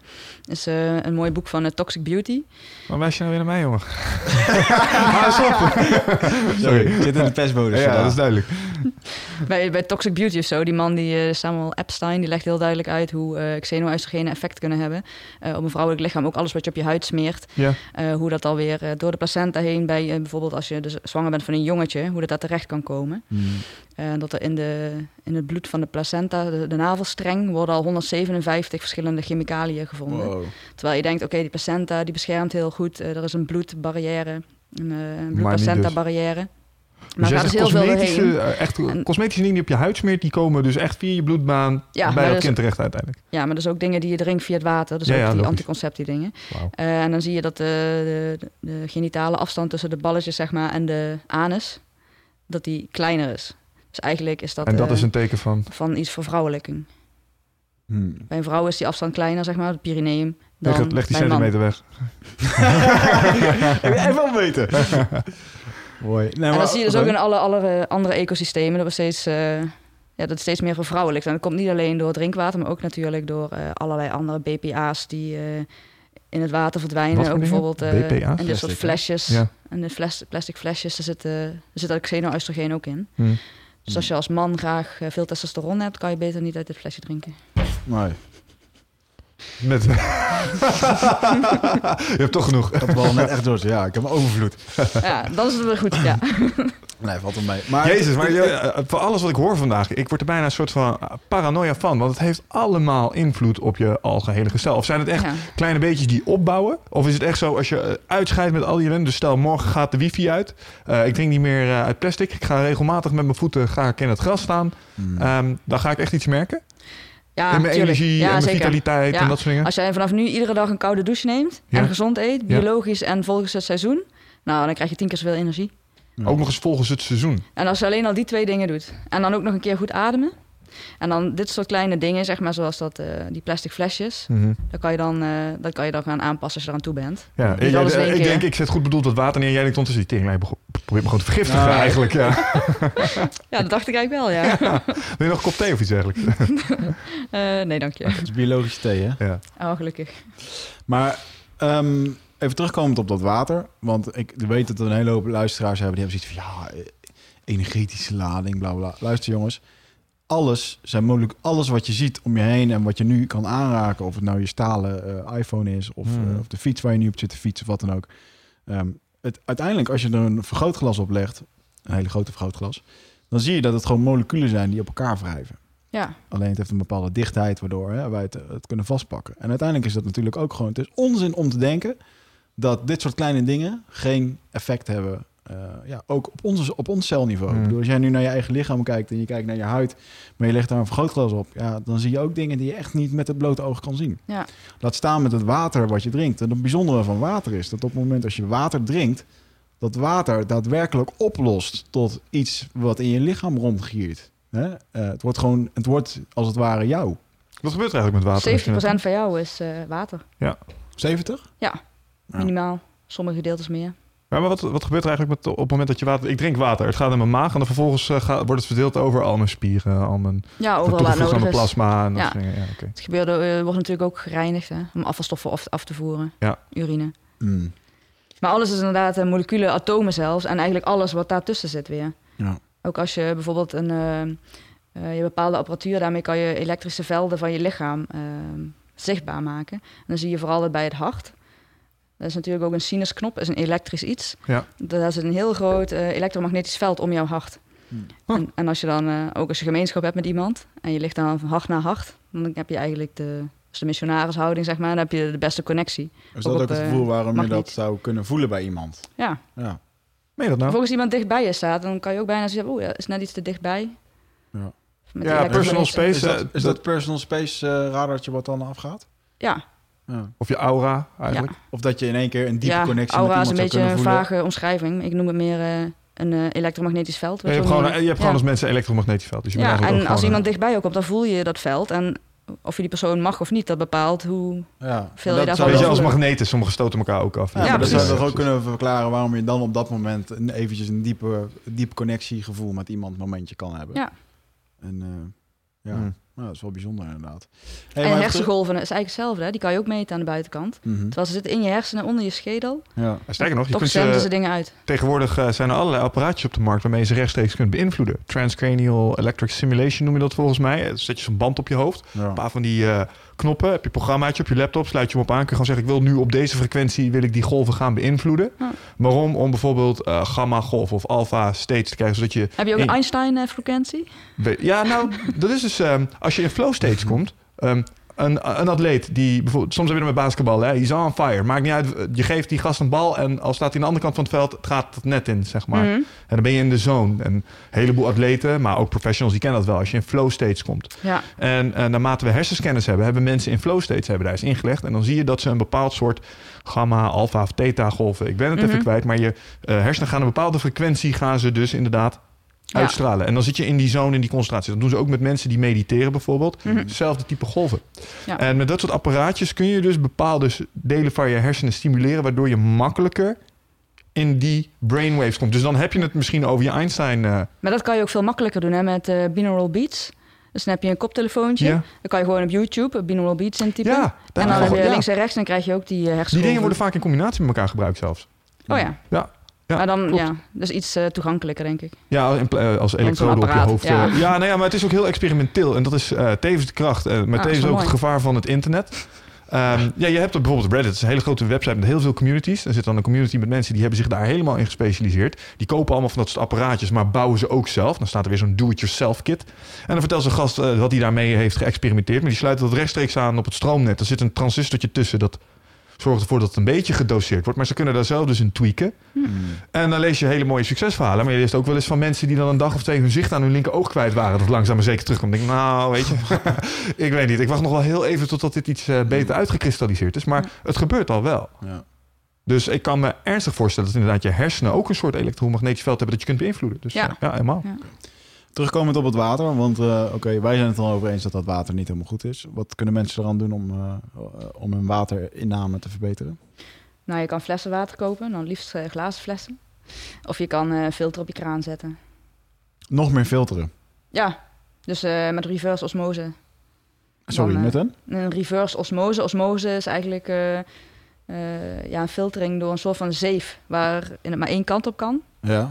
Zo kan je het zien. En dan eh, kan je nog kleinere dingen eruit filteren. Ja, na- nanofiltertjes heb je tegenwoordig ook. Ja, ik heb eens zitten kijken naar zo'n... ehm, oh, naam kwijt. Dat is een of andere koper, eh, koper ding wat je tussen je watertoevoerleiding zet of zo. En dat zou dat water weer moeten activeren. Geeft een soort spin Oh ja. aan. Ja, ja, precies. Dat is inderdaad eh, dat is iets anders. Dat geeft je, dat magnetiseert je water. Ja, want dat is een, dan krijg je dus eigenlijk het water, krijg je weer dezelfde structuur als dat het uit die wolken is gekomen. eh, en Ja, het die idee daarachter is, ik, had er laatst, ik ben er geen expert, maar ik had er laatst iets over gelezen dat eh, eh, de schadelijke stoffen wel je lichaam ingaan, maar makkelijker je lichaam weer verlaten doordat die, dat het water gemagnetiseerd is. En ik weet niet of het klopt of eh tot Nee. Ik doe het gewoon met reverse osmose filteren. Want de filter kost 60 euro. 60 euro? Ja, Ben jou te koop? nee. Dat moet je doen. Kun je veel kopen naar deze podcast. Ja, wie weet. Jongens, 10% korting. Eindbazen. korting. Ja, maar je ziet wel dat daar ook wel ehm, eh, mooie ontwikkelingen gaan zijn. Want eerder als water werd gefilterd ging het inderdaad eh, met zeven. En daarna werd het vaak nog eens een keer chemisch gereinigd. En Mhm. dan zie je bijvoorbeeld ook door eh, doorbraken in nanotech. Hè, dan kunnen we op heel ja, op atomair niveau kun je allerlei dingen gebouwen. Heb je dus ook filters tegenwoordig die water gewoon echt helemaal kunnen zuiveren. Omdat die zeefgaatjes die zijn zo klein dat echt alles wat eraan Ja. virussen, bacteriën en dat soort dingen in Is zit. dat, die, eh, dat is een bekende TED-talk over, toch? Ja, niet? dat is een dude die had een, eh, die had een rietje gemaakt, volgens mij. Dat rietje, daar zaten die filters in. En dan kun je gewoon met dat rietje kun je uit een eh, plas regen of uit een sloot kun je gewoon drinken. Ja. En je had de Lifesaver bottle. Daar was die TED-talk van, volgens mij. Daar zitten ook van die filters in. En dan maken ze van dat vieze water. Dan gooien ze inkt en, en urine en allerlei viezigheid. ze mee. Dan scheppen ze eruit met dat ding. Laten ze door die filter. En ze doen gewoon schoon drinkwater komt uit. En dan drinken ze daar ook gewoon Hm. eh, ter plekke op. En dat komt omdat die filters zo klein zijn... dat ze alle materiaal gewoon kunnen tegenhouden. En dat konden we voorheen niet. Want onze zeefjes waren gewoon niet fijn genoeg. Hm. Er zaten- die waren te groot. Tenminste, daar, kon je, daar konden meerdere moleculen nog Mm. eh, op een rij doorheen. Mm. En tegenwoordig kunnen we het zo klein maken dat we dus alles kunnen tegenhouden. En die man die drinkt met een rietje uit de wc bij de afdeling bestraling in het ziekenhuis. Bij wijze van spreken. mm, ik weet niet. Het zou wel een goede marketing tool zijn. Weet je hier, drink ik gewoon uit de wc. Dan ben je ernstig overtuigd van de kwaliteit van je eigen producten als je dat doet. Onlangs hadden ze toch die meneer eh, van eh, Monsanto, Ja. het bekende bedrijf van de Ja, GMO's. Ja, waar een, iemand die had meegewerkt aan een bepaald product... wat niet schadelijk zou zijn voor de gezondheid. En toen heeft een reporter tegen hem gezegd van... eh, of je zou er een glas van kunnen drinken of zo. ja. En toen zei die man van ja, ja geen probleem. Hij zegt nou heb ik hier een glas dat- voor je, drink het maar op. Niet de chemicaliën die ze gebruikten of zo om... Ja, Ja, ik heb het gezien. Ja, ja zoiets was het. Ja. Het was was, was niet gevaarlijk. Ja, dat En denk ik eh, stop dan. die meneer die werd gewoon letterlijk gezegd... oké, hier heb je een glas, drink maar op. En toen zei hij, ja, ik ben niet gek, hier werk ik niet aan mee en bla bla bla. En Ja. toen, eh, eigenlijk een soort van bastard inderdaad. Dat was slecht. Wat ehm, kunnen we nog meer doen als het gaat om eh, holistische eh, verbeteringen in ons leven? Simpele dingen die mensen kunnen toepassen, waardoor we weer een beetje terug op aarde komen. Volgens, zoals we hier horen te lopen. Eh, ja, wat kan je doen? Je kan zoveel doen. Gewoon, eigenlijk is... Want jij geeft bijvoorbeeld ook, jij, jij- coacht ook mensen, hè? mensen die bij jou komen. Hoe gaat dat in zijn werk? Hoe, wat is jouw soort anamnese, zeg ik dat zo goed? Ja, hè? Ja. Ik probeer Ja. weer een duur woord te gebruiken. Mm. Ja, van de ene kant geef ik dus training, dus personal training aan mensen vanuit de evolutionaire bewegingsleer. En van de andere kant is het dus eh, de holistische coaching. En dan gaat het meer over mensen die echt komen met een, eh, met een beetje een vage klacht, die eigenlijk niet meer echt veel verder dan mee komen. Vaak is het eh, bijvoorbeeld chronische moeheid, die echt al tien jaar last ervan hebben, of eh, een darmproblemen. Eh, die denken dat ze allerlei allergieën hebben of intoleranties, maar bijvoorbeeld niks echt eh, kunnen vinden. Mm. Gewoon allemaal vage klachten. Of een meisje kan een keer een meisje met, eh, die had al twee jaar hoofdpijn. Die slikte heel zware medicatie daartegen. Ehm, als ze dat niet deed, nou, dan kon ze meteen naar huis gaan. Dan eh, was er niks meer waard. Gingen de ogen dichtzetten, moest ze overgeven en het kwam niet meer goed. Twee maanden met haar getraind. Gewoon twee dingen uit dat dieet gehaald. Gluten en melk. En toen zei ze midden in haar tentamenweek... Oké, volgens mij is het over. Ik ga stoppen met mijn medicijnen. Toen zei ik nog... Nee, wacht nog maar even tot na je tentamens. En dan ga je dan testen. Holy shit. Maar ja, zij was zo overtuigd van dat het over was. Dus gewoon gestopt. Dag erna tentamen gemaakt. En ze heeft nooit meer last gehad. Door twee dingen Ja. uit, het, eh, uit het dieet te verwijderen. Ja, en het was uiteindelijk de melk. Want eh, de, brood is ze wel gewoon gaan eten. Ja. Alleen ze drinkt geen melk meer. En het gaat, ja, het gaat top. En En ze, ze dat... slikte gewoon hele zware reuma-medicijnen zelfs tegen, de, tegen deze hoofdpijnaanvallen. Jezus.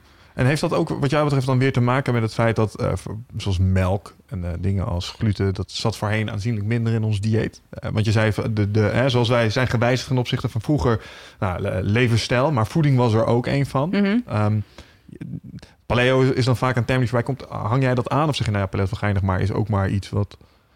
Ja, het is eh, op zich een eh, goede uitgangsnorm. Ja, ja, precies. Het is eh, in ieder geval, het baseert zich, tenminste de meeste die het volgen, baseren zich op gewoon die hele voedselbronnen.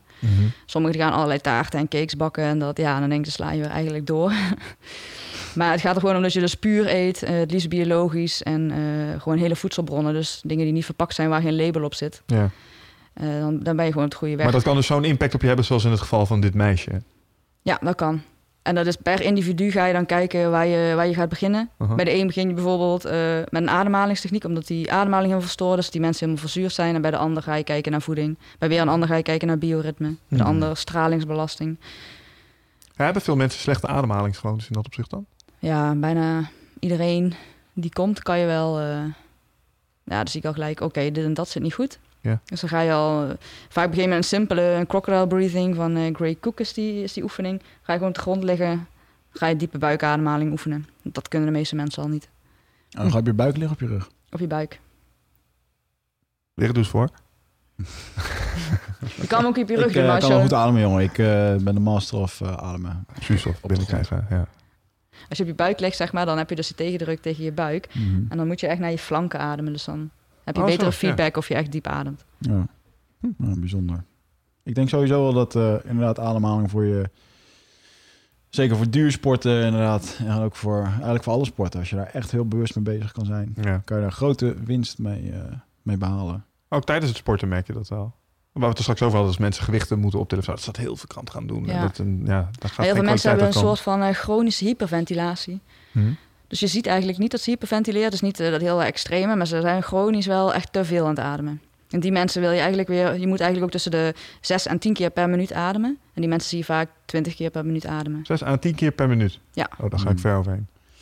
Hey, en eh, nog eventjes een ding, wat hebben we vorige keer wel eens een keertje besproken met, eh, eh, met Bas van Overload over ehm, eh, vaccinaties. We hadden even een korte discussie, maar dat duurde niet zo heel erg lang. Maar het is meer jouw vakgebied in daarin. Wat vind jij van vaccinaties van kinderen? Ja, dat is een heel moeilijk onderwerp. Kun je iets meer in de microfoon praten? Ik denk dat Oh, het een, het is een heel persoonlijk onderwerp. Laten we dat vooropstellen. Ik bedoel dat iedereen het voor zichzelf moet weten. Ik denk ook niet dat... eh, Nou eh, ja, het is, het is ook heel persoonlijk, maar het is ook heel moeilijk. Ehm, een vaccinatie die triggert natuurlijk het immuunsysteem om antistoffen te maken tegen een bepaalde ziekteverwekker. Ja.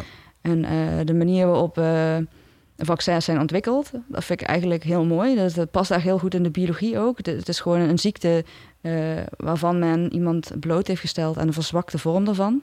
mhm. Ja, daar kan ik eigenlijk niet heel veel slecht in zien. Het is alleen zo bij kinderen zijn de, begint het nu heel vroeg. Eh, de eerste vaccinatie is met twee maanden, dan met drie maanden, vier maanden, zes, acht. En dan krijgen ze best wel veel cocktails van van alles en nog wat. Ja. Ehm, als je kind eh, borstvoeding krijgt, dan is het sowieso deels beschermd door de antistoffen van de moeder. Wordt de moeder ergens aan blootgesteld, maakt ze antistoffen aan en dan krijgt het kind via de borstvoeding. Eh, het immuunsysteem van een baby is ook nog niet ontwikkeld. Eh, dus eigenlijk, eh, en je ziet heel veel auto-immuunziekten tegenwoordig. Nou kan ik niet zeggen dat er een verband is, maar het zet mij wel aan denken van oké, zijn we niet te vroeg met die kinderen in te enten Mhm. tegen allerlei ziekten? Is het niet zo dat we het immuunsysteem al heel erg gaan belasten voordat het er überhaupt klaar voor is? Ja. Want ze moeten ook zo vaak ingeënt worden, omdat het vaccin niet werkt. Als je het één keer doet, werkt het vaccin niet. Dus je moet het herhalen, herhalen, herhalen, herhalen. Ik denk, ja, waarom wachten we niet tot er twee zijn, bijvoorbeeld? En gaan we dan Ja, Zwitserland is vaccineren? 2,5 jaar volgens mij voordat de Hm. eerste inenting eh, erin gaat. Wat zei je? In Zwitserland is het Oh, oké. minimaal t- eh, 2,5 Zou kunnen, jaar ja. wachten totdat het... eh, ik vind dat wel een goeie, want ik Ja. denk dat als een baby geboren is, zo ontzettend fragiel is. En als je kijkt naar... We doen er al zo makkelijk over, hè? We- Oh, een kind geboren, oh, oh, weet je wel. Er is een kind geboren. Dat is echt wel iets bijzonders, weet je. Ik bedoel, als je kijkt naar de weg van... eh, tot hoe iets, zo, zoiets tot stand komt, dat het groeit. Het is allemaal zo'n minuscuul werk. Ik bedoel, dat kunnen we echt nog niet nacreëren. Mhm. En ehm, om, om daar vervolgens in te gaan lopen rommelen met allerlei chemica chemicaliën en andere dingen, denk ik dat het. eh, ja, En ook met de, met de pneumokokken of zo. Er zijn natuurlijk een aantal ziektes die, die wil je echt niet dat je kind krijgt. Dus Hmm. iedereen zal ook gewoon vanuit zijn... zal altijd de beste keuze voor zijn kind willen maken, wat iemand ook besluit. Maar bijvoorbeeld eh, polio of zo, dat wil je echt niet dat je kind krijgt. Of tetanus, Nee. want dat is gewoon dodelijk. Maar er zijn bijvoorbeeld pneumokokken die ehm hersenvliesontsteking veroorzaken. Dat zit ook in het vaccin, maar er zitten bijvoorbeeld maar van tien stammen... zit er een, eh, eh, ja, een, eh, een dode variant in het vaccin, zeg maar. Dus je gaat tegen Mhm. 10 varianten ga je antistoffen aanmaken... en tegen de andere eh 89 niet. Ja. En kinkhoestvaccin is ook niet... eh, dat is een virus dat, dat muteert redelijk snel. Dus dat vaccin is ook lang niet eh 100%, misschien 50%. Er zijn genoeg kinderen die ingeënt zijn die het gewoon krijgen. ja. En als je dan gewoon zorgt dat je immuunsysteem goed is... en dat je sterk bent, dan ga je daar niet dood aan. Nee. Nee. Dus eigenlijk. eh, Zelfs polio hoef je niet dood aan te gaan als je echt gezond bent. Dan zijn ook mensen die krijgen niet eens klachten. Ja. En dan heb je altijd de horrorverhalen van... oh, ik ken iemand die eh, een been af heeft... of, ja, dat soort dingen, of een kromme voet... ja. en eh, bijna dood ging. Die verhalen zijn natuurlijk ook. En dat wil je dus absoluut niet natuurlijk. Ja, want er is natuurlijk een reden dat deze ziektes eh, op zo'n lijstje zijn komen te staan. Hè? Ik bedoel, er is Ja. een reden dat we zijn gaan vaccineren tegen dingen als polio onder andere. Ja, Want vroeger gingen er gewoon eh, allemaal mensen aan dood. Of had je gewoon echt een goede kans dat dat een probleem voor je zou worden als je Mm. aan het opgroeien was. alleen de vraag is, zeg maar, is het nou beter geworden door die vaccins? Want tegelijkertijd zijn we ook... eh, ehm, sanitaire voorzieningen zijn beter geworden. Dus de hygiëne is veel beter geworden. ja, het is anders als je gaat in een beetje Afrika- hand in hand. een Afrikaans opvangkamp eh, wordt geboren waar te veel te veel mensen zijn, te weinig eten en eh, ja, iedereen, iedereen, uit dezelfde put eh, zit te drinken en te, te wassen. Ja, dat zou wel tevens je controle op dit vraagstuk kunnen zijn. Want als je daar wel in ent, wat volgens mij wel gebeurt... eh, en de leefomstandigheden blijven wel erbarmelijk... eh, Ja. en de polio blijft uit... dan weet je dat die vaccinaties dus in ieder geval wel geholpen hebben. Hmm. Ja, ik zou dan wel liever zien dat ze iets zouden doen aan sanitaire voorzieningen in plaats van. Ja, nee, Dit dat, dat snap ik wel. maar- Ja, daar kunnen ze geen geld aan Ja. verdienen. Dus dan, eh, Ja. Ja, nou, ja, maar je zegt het zo, maar dat is, dat is wel een ding natuurlijk. Ja, hè? dat is Ik bedoel, er zit echt een heel groot industrieel complex achter eh, ook dat soort dingen als vaccinaties. Ja. En eh, daar gaat echt wel, eh, wel grof geld in om. Destijds met de Mexicaanse griep.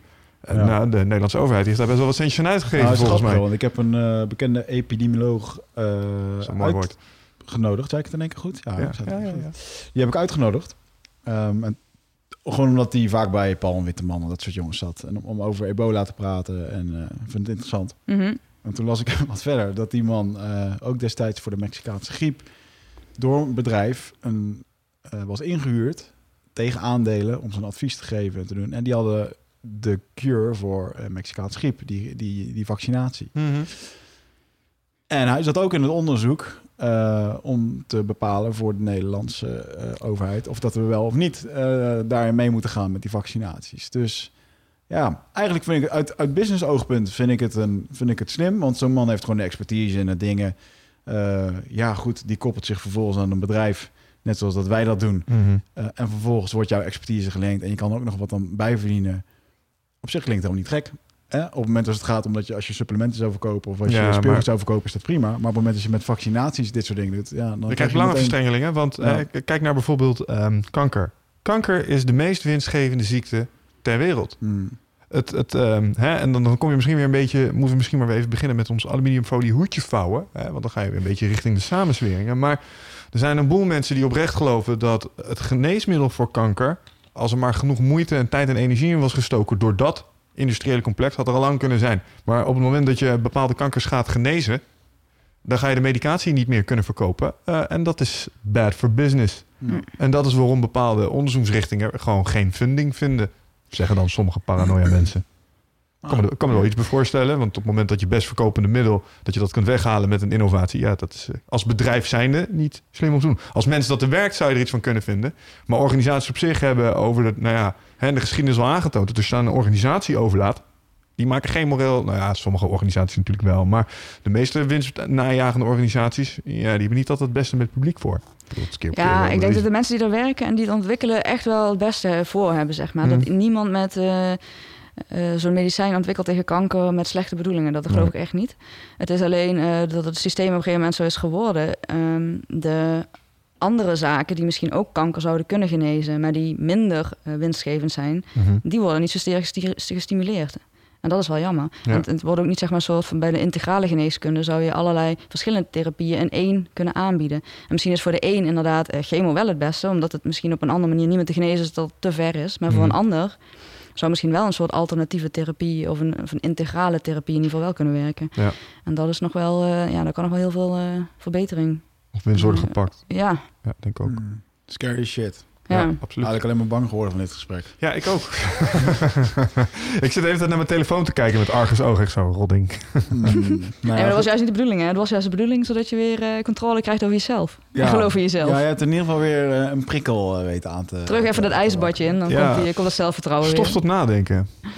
Hoe lang, eh, eh, even terug naar het ijsbad. Als men eh, wil beginnen met koude douches, dan is het standaard iedere dag of drie keer per week of twee keer per week. Wat is het ideaal? Nou, begin met eh, koud afdouchen. Dus gewoon met de warme douche beginnen en dan langzaam vanaf je voeten omhoog. eh, Wat doe jij koud. zelf? Doe jij alleen maar koud, überhaupt? Of niet? Nee, het wisselt. Ene keer warm, ene keer koud, ene keer begin ik warm, eindig ik koud. Andere keer ga ik een keer een koud badje. Is, het dan, is het dan ook juist die afwisseling die het goed doet? Eh, of, Nee, ja, dat maakt niet zoveel uit. Het is meer dat ik het anders te saai vind. ja, precies. Ah, Oké. wil een Nog beetje gehoord dat koud douchen... is- Ik heb ook wel eens koud is een heleboel dingen, maar het is niet saai. Of, Je nou, bent wel ja. even met je koppen bij, zullen we zeggen. ja, soms wil je ook gewoon comfort van warm ook even voelen en dan Aha. daarna koud, zeg Het is maar. niet slecht, Ja. soms lekker warme douche. Als je het echt nodig hebt. Heerlijk, ja. Zeker na een koud bad.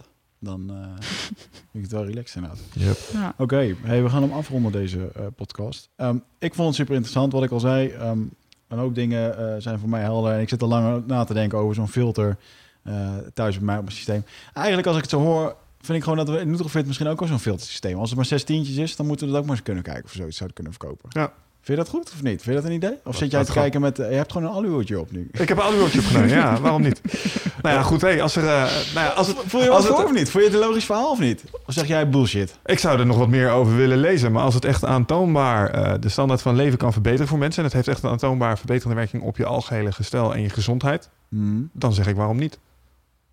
Oké, dan gaan we dat uit. Dan zou ik het zelf ook willen, snap je? Ja, Want het, gaat wel, het, zijn, het zijn wel alle dingen die bij elkaar optellen. En eh, wat je me wel eh, mee aan het denken hebt gezet... is dat er nog steeds ook... En ik vind dat ik het al redelijk optimaal doe. eh, maar er zijn nog steeds eh, tweaks en er is nog steeds ruimte voor verbetering. Ja. En ehm, En met Ja. de straling is het natuurlijk zo. Je merkt daar niet met direct effect van.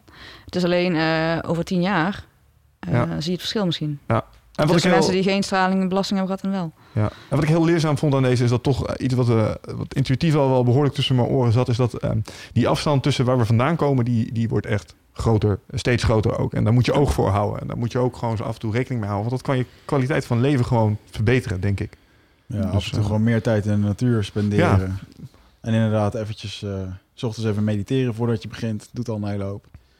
Blote voeten lopen. Ja, Ook als je naar de eindbasisstudio komt. ik blijf hem mooi vinden. ja, ja, Ja, hoor. fantastisch. En eh, ik denk dat we daarmee inderdaad eh, een hele stap kunnen maken. Kelly, waar kunnen we jou vinden online? Eh www.lexnaturalis.nl Oké, jij geeft ook nog, cursus, jij geeft nog steeds cursussen dit jaar voor Ja, eh, 9 mei is nog een Iceman training. En eh, ik ben nu bezig met eh personal trainer Wouter van Aalst. Een van de hoogst opgeleide personal trainers, ook van Mylogenics. Hm. Mhm.